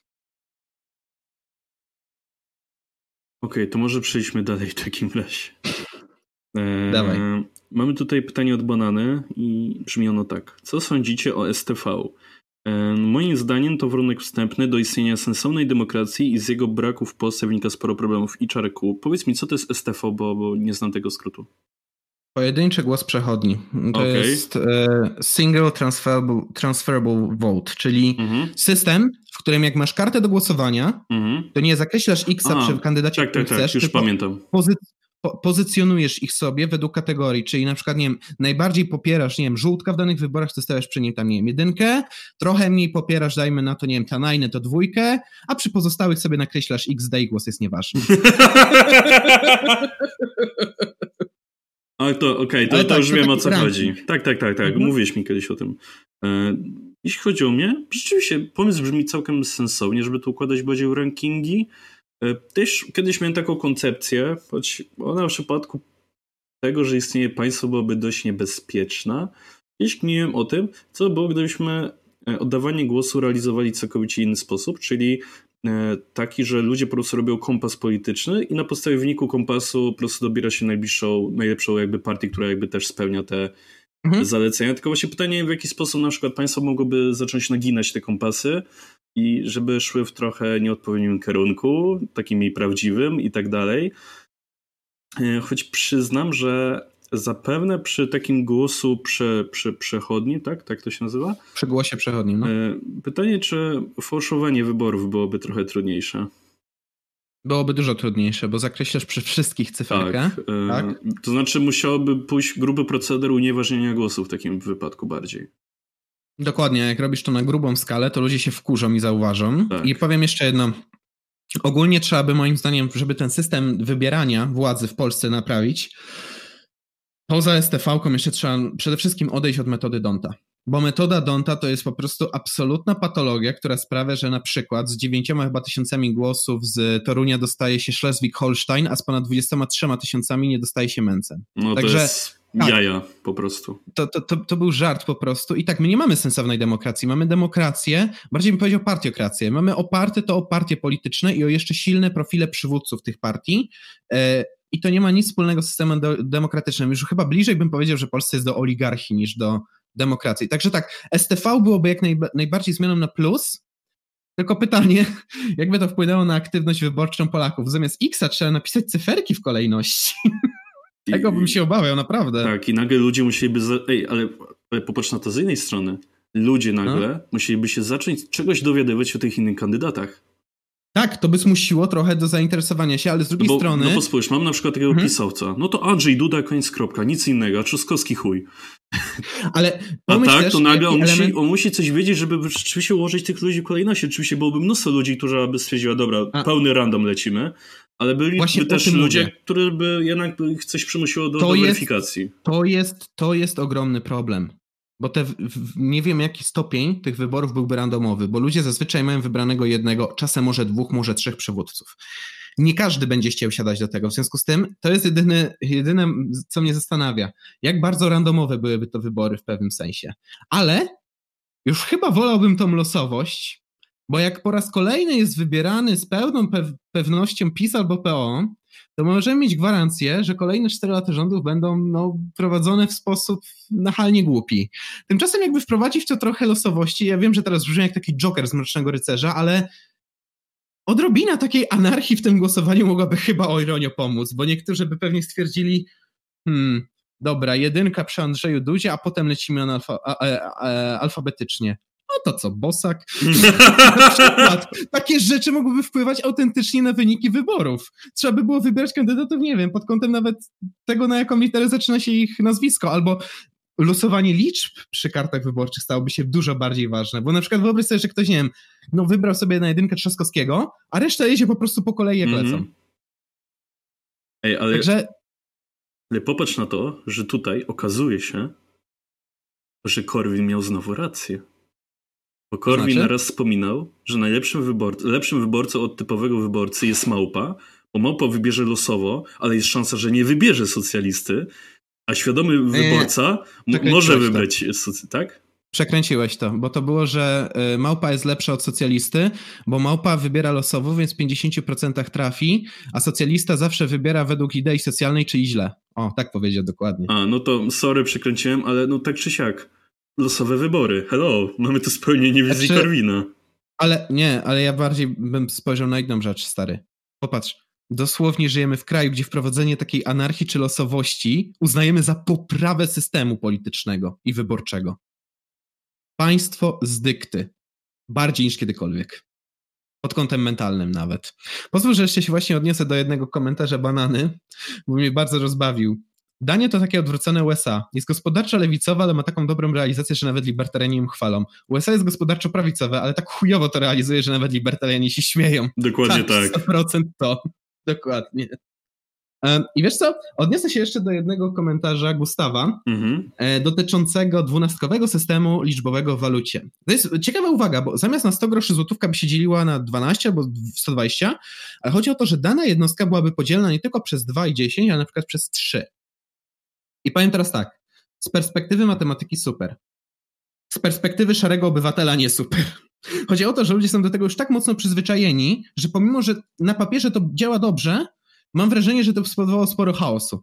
Ludzie by się zaczęli mylić. Ja wierzę, że tak nie wiem, z pierwszy rok przechodzenia na ten system, czy może nawet dwa lata, to byłby kompletny mętlik i masa błędów księgowych.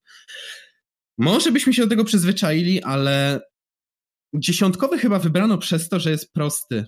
Bo na dziesiątkach się chyba najłatwiej liczy po prostu. Bo to jest zawsze po prostu dodawanie zera albo ruszanie przecinkiem. No, w takiej idealnej formule, tak? Plus dzielenie właśnie piątkowe czy dziesiątkowe jest takie najbardziej intuicyjne. Więc ja bym chyba przez ze względu na łatwość tego, przynajmniej teoretyczną, bym powiedział, zostańmy przy tym, co jesteśmy. Pomysł jest bardzo ciekawy, tylko jestem ciekaw, jakby na to zareagowali ludzie i system, bo no mam wrażenie, że dochodziłoby do bardzo wielu pomyłek. Po prostu. Mnie trochę zastanawia, co by było, gdybyśmy skorygowali system złotówek o to, jak to wygląda w Czechach. Bo To znaczy? w Czechach nie ma czegoś tak, nie ma odpowiednika groszy. No są po prostu korony ma- i tyle. Nie ma Mhm. 10,5 korony, nie, jest 10 albo 11. To znaczy Ja by wiesz, nie ma mówisz- tego rozdrabniania większego. Gdzie na przykład Jasne, się jasne. słyszy u nas absurdy, że wytłoczenie jednego grosza kosztuje 5 groszy. I wychodzi Mhm. na to, że tłoczenie pieniędzy zaczyna być trochę u nas nieopłacalne, nie? Tak, tak, bo ty mówisz o tym, żeby ten y, rozbić ten nominał, nie rozbijać tego nominału, tylko po prostu robić złotówki. Mhm. Em, a powiem tak. Kusiłoby mnie to chyba z jednego powodu. Nie wiem, czy wiesz, ale wyprodukowanie jednego grosza jest, jest więcej warte niż sam ten grosz. Czyli Tak, tak. tracimy na każdym wyprodukowanym groszu. Także Nie wiem, czy to też nie dotyczy 5 groszówek przypadkiem. Tylko wiesz co, ja po prostu znowu tutaj bym powiedział, tak naprawdę kryptowaluty i tak tutaj triumfują, bo kryptowaluta jest podzielna po prostu na ile przecinków chcesz. No. Także ostatecznie kończymy na tym, że ani dwunastkowy, ani dziesiątkowy krypto. Blockchain. O, a tu jest świetne pytanie, bo się trochę też odnosi do miniatury z ostatniego materiału na kanale. Gustaw pyta, co sądzimy o Pinochecie? E, powiem tak, e, pomysł na miniaturę do naszego ostatniego materiału o kapitalizmie był mój. Mhm. Nie no, ciężko to ocenić Pinocheta, bo z jednej strony zrzucał e, komunistów z helikoptera, co brzmi spoko, ale z drugiej strony to jest nadal zabijanie ludzi, więc już trochę niespoko. Znaczy, nie chciałbym żyć w państwie, w które jest rządzone przez człowieka, który ze względu na swoje arbitralne poglądy po prostu kogoś zabija.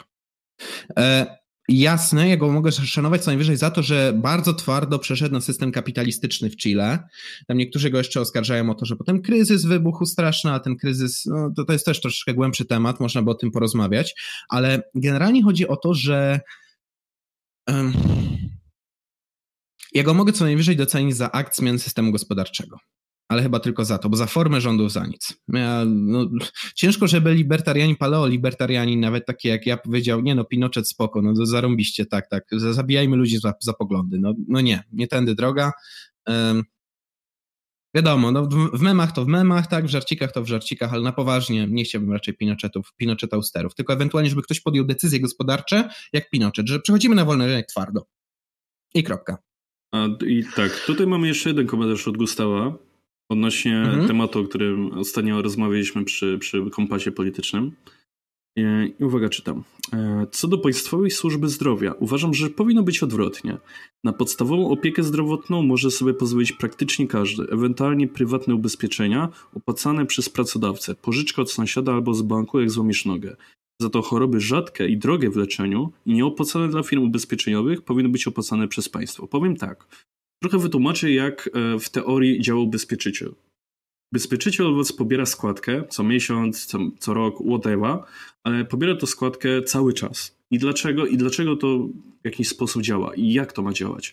Na przykład, możecie być ubezpieczeni od śmierci, że ktoś z waszych bliskich dostanie jakby y, odszkodowanie za to, że umarliście w sposób naturalny, choroba i tak dalej, i tak dalej. I za to generalnie można dostać mnóstwo pieniędzy. Dlaczego? Bo jest to coś ultra rzadkiego.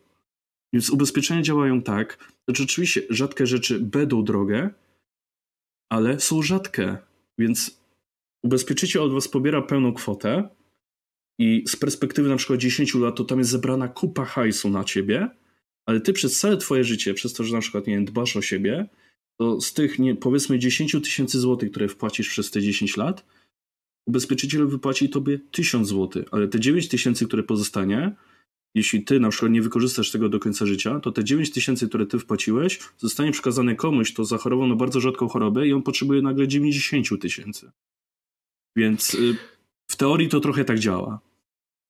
Znaczy, ja tak wyjaśnię prościej. Po prostu, jak, y, jak tworzysz taką ubezpieczalnię, to musisz sobie policzyć, ile przeciętnie żyje dany człowiek, jak często zapada na konkretną chorobę, policzyć mniej więcej koszty takiego przeciętnego leczenia i po prostu zbierać tyle kasy, co na przeciętne leczenie przeciętnego człowieka w przeciągu przeciętnego życia, plus narzut dla siebie. I to, to, to może zadziałać, tylko właśnie trzeba pamiętać o tym, że te koszta się mocno rozbiją. Może nie do tysiąca rocznie, ja strzelałbym, że to było, nie wiem, z 3, 4, 6 tysięcy rocznie, w zależności od pakietu e, gwarancyjnego, ale e, powiem tak, moim zdaniem zapłacić, nie wiem, 500 zł miesięcznie z wypłaty, z której nie są pobierane oczywiście w założeniu podatki, na ubezpieczenie zdrowotne, to nie jest aż taki duży koszt, jeszcze mówię w skali roku, jak na przykład łożyć na NFZ, który i tak ci nie pomoże, bo czekasz 4 lata, e, a potem, e, a potem i tak musisz, wiesz, jeszcze ze swoich pieniędzy albo z jakiegoś crowdfundingu zbierać na leczenie sobie, tak?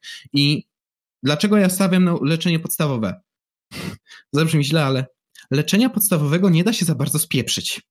Leczenie złożone, specjalistyczne da się spieprzyć bardziej. I to może mieć poważne konsekwencje, nawet prowadzące do śmierci. W związku z tym, ja raczej nie ufałbym po prostu państwu w tym bardziej złożonym leczeniu. Tu powinni być specjaliści, firmy ubezpieczeniowe i silna konkurencja, która spowoduje, że no będziemy, będzie, będzie dbanie o świadczenie tych usług. Natomiast państwo może się zajmować podstawowymi takimi funkcjami leczenia, nie mówię, to jest z pewnych powodów potrzebne, ale ja bym raczej stawiał właśnie też na te podstawowe, bo wbrew pozorom te koszty by się ładnie rozkładały, tylko znowu, no, potrzebowalibyśmy podwórka, żeby to potestować, tak, ale ciężko to na przykład zrobić na amerykańskim, ten system jest spatologizowany, e, jest po prostu patologią jedną wielką, ale o tym to będzie jeszcze materiał, także na razie nie rozwijam tego. Zapraszam po prostu wkrótce na kanał Wyobraźcie sobie, będzie materiał o systemie ubezpieczeniowym w USA. Dobrze. E, pozwól, że przeskoczę na pytanie od Olika, mm -hmm. żebym rozwinął się bardziej na temat tego, jak ma wyglądać pieniądz. Mm -hmm. Ale nie wiem, co ja mam tu rozwijać, tak szczerze. To znaczy, cechy pieniądza, typu, że nie wiem, ma być podzielny, albo że na przykład ma być uniwersalnym środkiem wymiany, no wiadomo, że trzeba spełnić. I... Tylko moim zdaniem ten pieniądz, tylko, czekaj, to znaczy, ten pieniądz trzeba pamiętać, że jest towarem. To jest towar wymienialny na wszystkie inne towary. W związku z tym, tak jak każdy towar, może podlegać konkurencji. W związku z tym, albo niech podlega konkurencji, na przykład, nie wiem, niech nie istnieje jeden bank centralny, tylko kilka banków centralnych, które są konkurują, przez co nie będzie pieniądz przesadnie inflacyjny albo specjalnie deflacyjny, tak? E, nie będzie przez to też ten bank centralny, jeden z kilku, bardzo podatny na wpływy rządu, no bo rząd przyjdzie do nas, powie: Dzień dobry, poproszę nam dodrukować hajsu, bo nie mamy. A powiedzą: My nie dodrukujemy hajsu, bo nasza waluta straci wartość i wszyscy przejdą na tą inną walutę. To nie, nie wchodzi w grę w ogóle. Będzie taka ekonomiczna przesłanka, żeby nie wspierać rządu długiem, e, albo ewentualnie stworzyć właśnie jakiś system, e, oparty o blockchain, który będzie po prostu, bazując na ilości wyprodukowanych dóbr w danej gospodarce, umożliwiał wytworzenie takiej konkretnej ilości dóbr, e, dobra, jakim jest pieniądz, tak? Czyli tam jakiegoś coina, powiedzmy.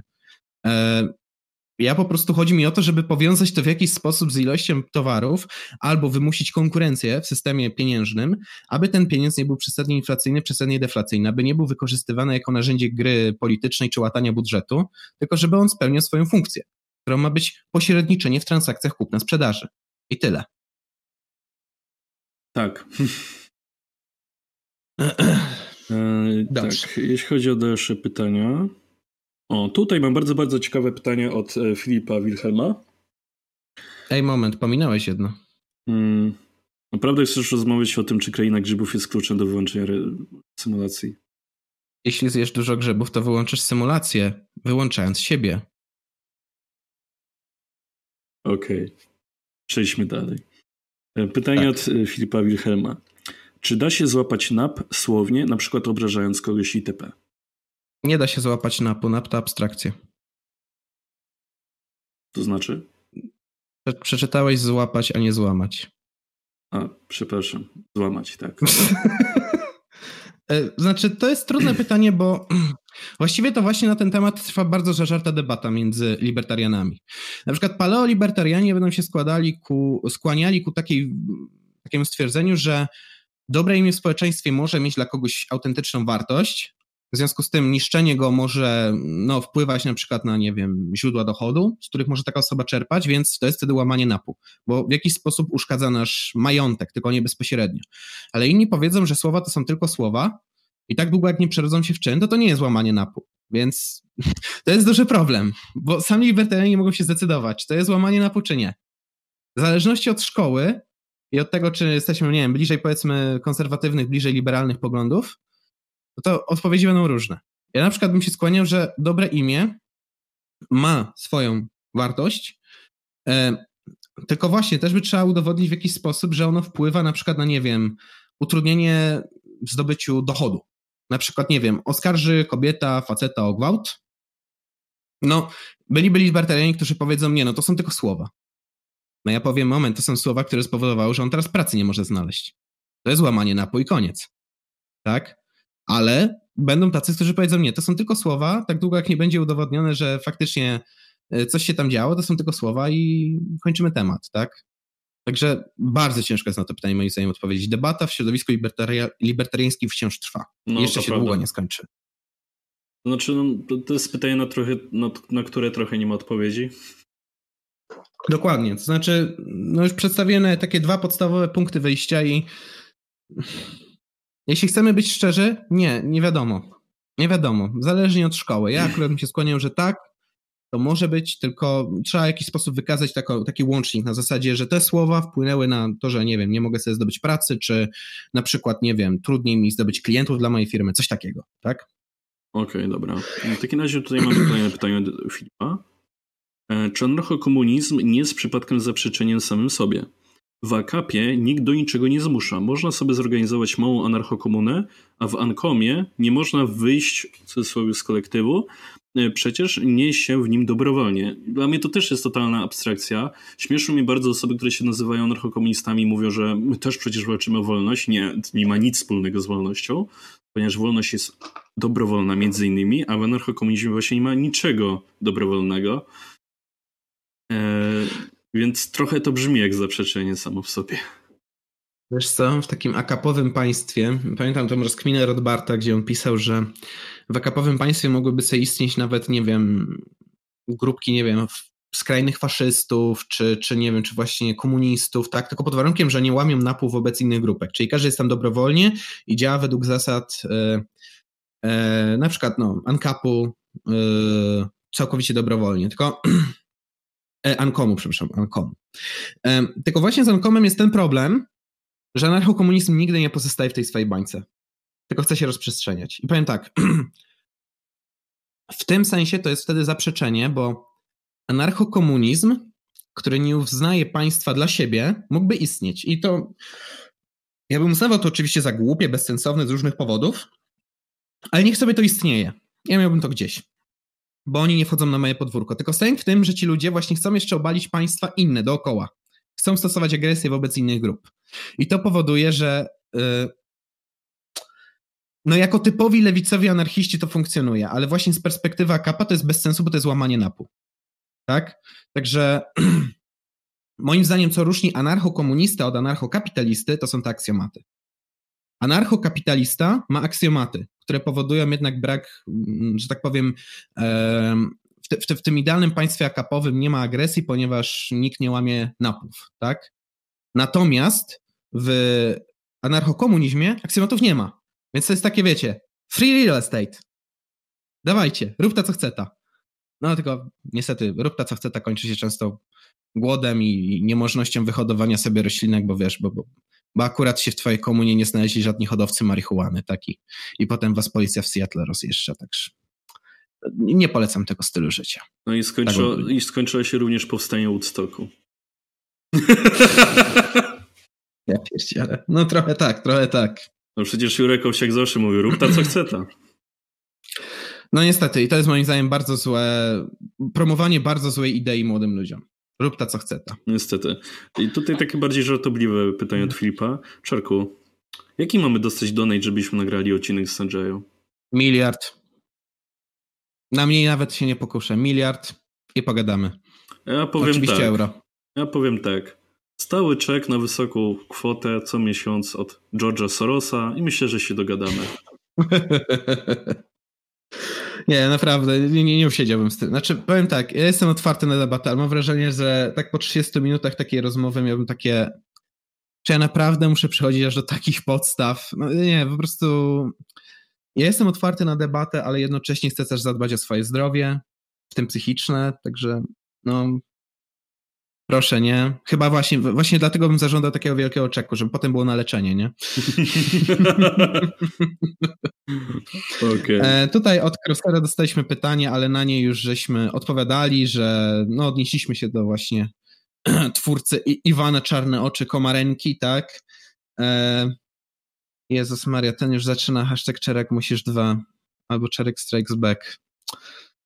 Eee, zobaczymy, bo ja już nawet naprawdę przez te wszystkie komentarze, które dostałem w sprawie utworu i duży pozytywny odbiór osób, które przesłuchały i którym się to podoba taka muzyka, eee, no jestem po prostu zachęcony, żeby to w jakiejś formie wydać, ale czy wypuszczę jeszcze fragment jakiegoś utworu? Nie wiem. Zobaczymy.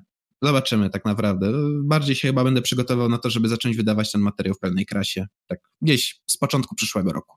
Okej, okay. tutaj mamy jeszcze pytanie od Maximusa Aureliusza.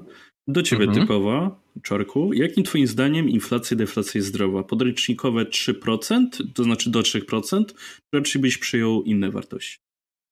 E, Powiem tak, no te 3% tak nieprzypadkowo się biorą i one najczęściej są takie no, po prostu kontrolowalne. Przy 5% już jest pewne ryzyko, że to może nam uciec, ale ja bym się nie kłócił tu mocno z podręcznikami, tak szczerze. Inflacja, deflacja około 3%, żeby tylko tak spadała i falowała regularnie, żeby to się zrównywało między, jakoś tam ze sobą i myślę, że naprawdę byłoby w porządku. Nie kłóciłbym się tutaj, nie mam po prostu podstaw, żeby jakoś podważać te twierdzenia. Faktycznie, jak się prześledzi dane historyczne, to no masz po prostu tą taką stuprocentową pewność, że nad tym zapanujesz, dopóki to nie przekroczy 3%. Jak przekracza, wtedy może zacząć się lekko pocić. Niedawno właśnie mogliśmy się tu lekko w Polsce pocić, bo przekroczyliśmy te 3%. Okej, okay, w takim razie mamy tutaj jeszcze pytanie do ciebie również od Running y, School. I mhm. brzmi tak. E, hej, kieruję pytań, to pytanie głównie do Czarka, jako że studiuję ekonomię. W przyszłym roku czeka mnie matura, raczej historia WOS i rozszerzenia angielskiego i chciałbym e, studiować jakiś kierunek ekonomiczny na UEK. Rozumiem, że chyba chodzi o Uniwersytet Ekonomiczny w Krakowie, nie? Też mi tak wydaje. To tutaj y, od razu z mojej, myślę, że czarka strony od razu pozdrowimy um, mojego imienno nazwiskowicza, czyli drugiego Dawida Kamińskiego z Krakowa, który właśnie tam studiuje. Um, pozdrawiamy serdecznie i dalej mamy tak. Pozdrawiam. Tu pojawia się pytanie, jaki kierunek wybrać. Niestety, e, ale nie mam żadnego wymarzonego zawodu i wydaje mi się, że najszczęśliwszy byłbym prowadząc własną działalność. Rozważam również skupienie się na rynku inwestycyjnym. E, odrzucam kierunki koncentrujące się na księgowości i ubezpieczeniach. Mam wrażenie, że to nie dla mnie. E, chciałbym mhm. prosić o radę, jakie kierunki są przyszłościowe, na, jakim, na jakich dowiem się najwięcej użytecznych informacji właśnie na temat inwestycji i zarządzania firmą. Na co zwrócić uwagę przy wyborze? Dzięki z góry za odpowiedź i co do hashtag czarek musisz, mam wrażenie, że szykuje nam się polskie dev metalowe burzum. Powiem tak, przede wszystkim mi się bardzo podoba to określenie i chyba je ukradnę. Polskie death metalowe burcum, bo generalnie rzecz ujmując przez to, że używam tak ciężkich przesterów w tym wszystkim, to brzmi nieco retro. No to, to jest fajne porównanie. W sumie tak, ja, ja chyba ukradnę sobie to po prostu, jak będę gdzieś tam się może kiedyś promował. Um, ale wracając do sedna pytania. W sumie to running school mi trochę przypominasz mnie, jak szedłem na studia. To znaczy też nie do końca wiedziałem, co chcę robić. I też mi się tak wydawało, że ekonomia może być tą drogą. Tylko powiem Ci tak. Tutaj mówisz trochę o dwóch różnych rzeczach. Jeśli chcesz się skupić na rynku inwestycyjnym, polecam po prostu iść na klasyczną ekonomię. Bo na klasycznej ekonomii najczęściej są przedmioty związane z analizą matematyczną. Z, nie wiem, ekonometrią, prognozowaniem gospodarczym, zarządzaniem ryzykiem, czy mm, właśnie jakimś tam zarządzaniem portfelami inwestycyjnymi, coś takiego. Podobnie może znaleźć też na firze, ale rozumiem, że tutaj księgowość Cię nie interesuje i chciałbyś tego uniknąć. Także jeśli nie chcesz tego, to, to polecam raczej ekonomię. Ale jeśli chodzi Ci o zarządzanie firmą, tu serio, no chodzi o to, że ekonomia uczy Cię takich technikaliów, powiedzmy, zarządzania firmą, ale zarządzanie nauczy Cię tak jakby zarządzaniem day-to-day -day tą firmą. To znaczy Ekonomia na przykład nauczyć się w bardzo podstawowym zakresie, jak zarządzać grupami ludźmi, jak pracować w grupie, a zarządzanie będziesz miał po prostu masę ćwiczeń w grupach, jakichś przygotowań projektów, przez co nauczysz się, um, że tak powiem, no, pracować w, już w tej grupie, tak? Będzie ci łatwiej pracować z ludźmi.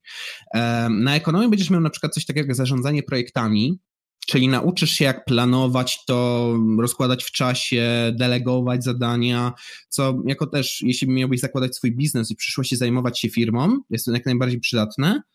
Ale z drugiej strony na zarządzaniu nie tylko, że masz też podobny przedmiot, to jeszcze dodatkowo no, zdobywasz te umiejętności bezpośredniego kontaktowanie się z ludźmi. Plus musisz pamiętać, że na ekonomii jest też dużo przedmiotów teoretycznych, na zarządzaniu jest ich trochę mniej. Na przykład na ekonomii trafisz na przedmioty takie jak bardzo rozszerzone mikro i makroekonomię, ekonomię międzynarodową, czy na przykład jeszcze z jakichś takich ciekawszych przedmiotów, no to kojarzy mi się jeszcze, nie wiem, historia myśli ekonomicznej. To, to są przedmioty czysto teoretyczne, które w zarządzaniu biznesem niewiele dają. To znaczy dają albo niewiele, albo wcale.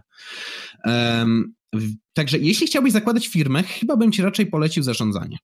Zarządzanie, zarządzanie produktem to się różnie nazywa na różnych uniwerkach, tak? Ale coś związanego z zarządzaniem.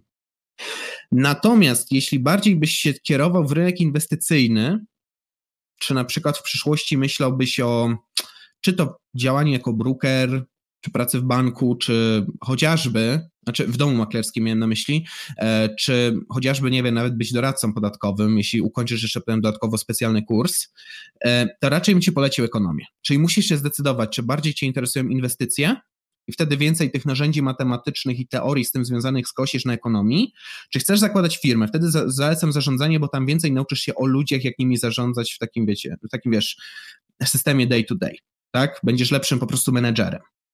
W związku z tym musisz zdecydować się między tymi dwoma. Musisz zdecydować, czy chcesz być inwestorem, czy chcesz być y, szefem swojej własnej firmy, i wtedy szef własnej firmy bardziej zarządzanie, inwestor bardziej ekonomia, moim zdaniem. Ale zachęcam cię też do skontaktowania się z innymi ludźmi, porozmawiania, zdobycia informacji. No, tyle wynika z moich doświadczeń tutaj na Łemkowie w Toruniu. Tak, także z mojej perspektywy to byłoby tak. Opcjonalnie zawsze można zrobić jak papież, czyli po co wybierać, lepiej wziąć oba. Można próbować, jeszcze to może być trudne do utrzymania. Um, moim zdaniem to tak, jeśli będziesz się zgłaszał na coś zarządczego, to zwróć uwagę na to, czy jest dużo przedmiotów, gdzie nie wiem, um, współpracuje się w grupie, wykonuje jakieś projekty, coś takiego. Jak idziesz na ekonomię, to zwróć uwagę na przedmioty związane z matmą, tak, na samą matematykę, na jakieś tam um, zarządzania portfelem, analizę ryzyka, nie wiem, prognozowanie gospodarcze, tego typu rzeczy, tak? Na to zwróć uwagę przy programach, jak będziesz wybierał i no i myślę, że wtedy z takim prawdopodobieństwem rzędu 90% trafisz dobrze, bo pamiętajmy, 10% to już jest po prostu popieprzenie profesorów, na których trafisz. A tego mamy pełno na polskich uniwerkach, nie będę ukrywał. Ale są przynajmniej niezłe historie potem. Okej, okay, Czarku, czy jest jakieś kolejne pytanie, które chciałbyś poruszyć? E, czy tu od polinizatora trzeba poruszyć? No moim zdaniem to nie możemy tego pytania uniknąć. E, Czarek Make Music Great Again. No, bardzo dziękuję, bardzo mi miło. Za Alberta Kami dodatkowe plus 100 do respektu i 1000 za absurdalnego buntu. To jak najbardziej popieram. Ciekaw jestem, czy y, Wiktora Frankla też kojarzysz. Ostatnio porównuję ich poglądy, mam dziwne wrażenie, że opisują od dwóch stron tę samą y, monetę. Co sądzisz ogólnie o Albercie Kami, absurdyzmie i o Franklu jeśli też go znasz. Znaczy Frankla znam tylko y, pobieżnie, bo wciąż tam gdzieś w kolejce czekam do przeczytania jego książka E, człowiek w poszukiwaniu sensu. Mm. Powiem tak, zgodzę się, że nawet porównują to samo, bo mm, Znaczy, Frangl bardziej się skupia na naturze, która jest wewnątrz człowieka, to znaczy skupia się na tym, że właśnie gdzieś tam głęboko w nas przebiega ta cienka linia między dobrem a złem, to od nas zależy, co wybierzemy. Ale jednocześnie właśnie, tak samo jak Kami wskazuje na takie kwestie, że no ten wybór jest niby absurdalny, ale przekonuje do podążania za ideami dobrymi, tak, że, że w tym niby bezsensie, w tym takim chaotycznym biegu do przodu można odnaleźć sens dla samego siebie i tak samo Kami. Odnajdźmy szczęście w tym wiecznym wtaczaniu kamienia na szczyt góry, tak, i ponownym zbieganiu i wtaczaniu go i tak w kółko i w kółko. To znaczy, to się wydaje chaotyczne, ale można w tym odnaleźć szczęście. Nazywamy to często, nie wiem, pasją, y, nazywamy to mm, hobby, nazywamy to, nie wiem, realizacją swoich marzeń, tak jakkolwiek. To nie sprawi, że, nie wiem, świat się skończy, bo osiągnęliśmy, nie wiem, highest score, skończyliśmy level, tak? To nie sprawi jednocześnie, że jeśli, nie wiem, coś zrobimy, to świat się zaraz pogrąży w w jakiejś czarnej dziurze, tak? Że, że przegraliśmy, straciliśmy ostatnie życie i koniec. Nie. To, to, to właśnie jest piękne, że, że możemy stworzyć coś, żeby pozostałym ludziom było ciutkę lepiej, nawet jeśli nie wszystkim, nawet, nie wiem, wąskiej grupie ludzi, dla których, nie wiem, stworzymy firmę, tak, albo, nie wiem, stworzymy muzykę, przy którą będą mogli się relaksować wieczorami, to, to jest to taki, taka wartość lekko dodana dla masy innych ludzi i i jeśli nas to cieszy, jeśli jest z tego tak, coś tak dobrego, to jasne, w tym absurdzie jest metoda, można powiedzieć. Także z tym się mocno tutaj zgadzam z Kami. Um, no i moim zdaniem Kami pozwala też troszeczkę realnie spojrzeć na świat. To znaczy, świat to nie jest coś, co się kręci wokół nas, świat to jest coś, co będzie pędzić dalej, nawet jak nas zabraknie, ale to nie oznacza, że powinniśmy się poddawać. I to, to jest chyba taka najpozytywniejsza, najcieplejsza myśl z tej niby pozornie pesymistycznej e, idei absurdyzmu. To znaczy, niby to jest bez sensu, ale o Boże, jak dobrze w tym absurdzie uczestniczyć. Także ja, ja po prostu lubię Kami i powiem tak, jako że dostrzegłeś takie powiązanie teraz z Franklem, o matko, będę musiał teraz tę książkę za jakiś czas się wziąć. Dobrze, jak magisterka pozwoli, to się wezmę za człowieka w poszukiwaniu sensu, tak powiedzmy. I tak, mm. E, powiem tak, mamy też pytanie od e, Wojtka, właściwie jego opinię odnośnie naszego podcastu, mm. choć widzę, że jest to bardzo, bardzo długie. E, a widzę, że już mamy godzinę 41 nagraną. Czerku, co ty okay. na to, żeby po prostu zostawić ten bardzo długi komentarz na rozpoczęcie kolejnego odcinka za tydzień? Myślę, że chyba będzie ja najlepiej. Ja się zgodzę. Ja się zgodzę. Generalnie rzecz ujmując, ja się też bardzo chętnie odniosę, bo ja to czytałem Jestem bardzo otwarty na krytykę i tutaj jest bardzo fajnie przedstawiona ta krytyka, także ja z wielką chęcią, tylko tak, to by wymagało troszeczkę czasu, a nie chcemy dzisiaj przesadnie przedłużyć, także wybacz Wojtku, że dzisiaj nie odpowiemy, odpowiemy po prostu w następnym materiale, od ciebie po prostu zaczniemy wtedy, bo przytasz to już tu bardzo fajne spojrzenie, jakieś perspektywy, które mogły nam też uniknąć, umknąć, także mm, po prostu no hard feelings, zrobimy to następnym razem i będzie wpyte. Tak, więc w takim razie e, z naszej strony bardzo dziękujemy za wysłuchanie podcastu. E, tym razem po, po tym ostatnim kompasie stwierdziliśmy, że wypadałoby już ten czas podcastu standaryzować i co najwyżej z jakimiś z gościami to ewentualnie przedłużać. E, więc z naszej strony na dzisiaj to już będzie wszystko. Tak jak zwykle, życzę Wam udanego przyszłego tygodnia, trochę lepszej pogody niż jest obecnie, bo cały czas pada przynajmniej w Toruniu. Ja tam nie pasuje. Tak, e, ale cóż, e, z naszej strony to będzie już wszystko. Do zobaczenia w przyszłym tygodniu, przyszłą niedzielę, czy kiedykolwiek tego słuchacie. I cóż, e, do usłyszenia i do zobaczenia. Hejo.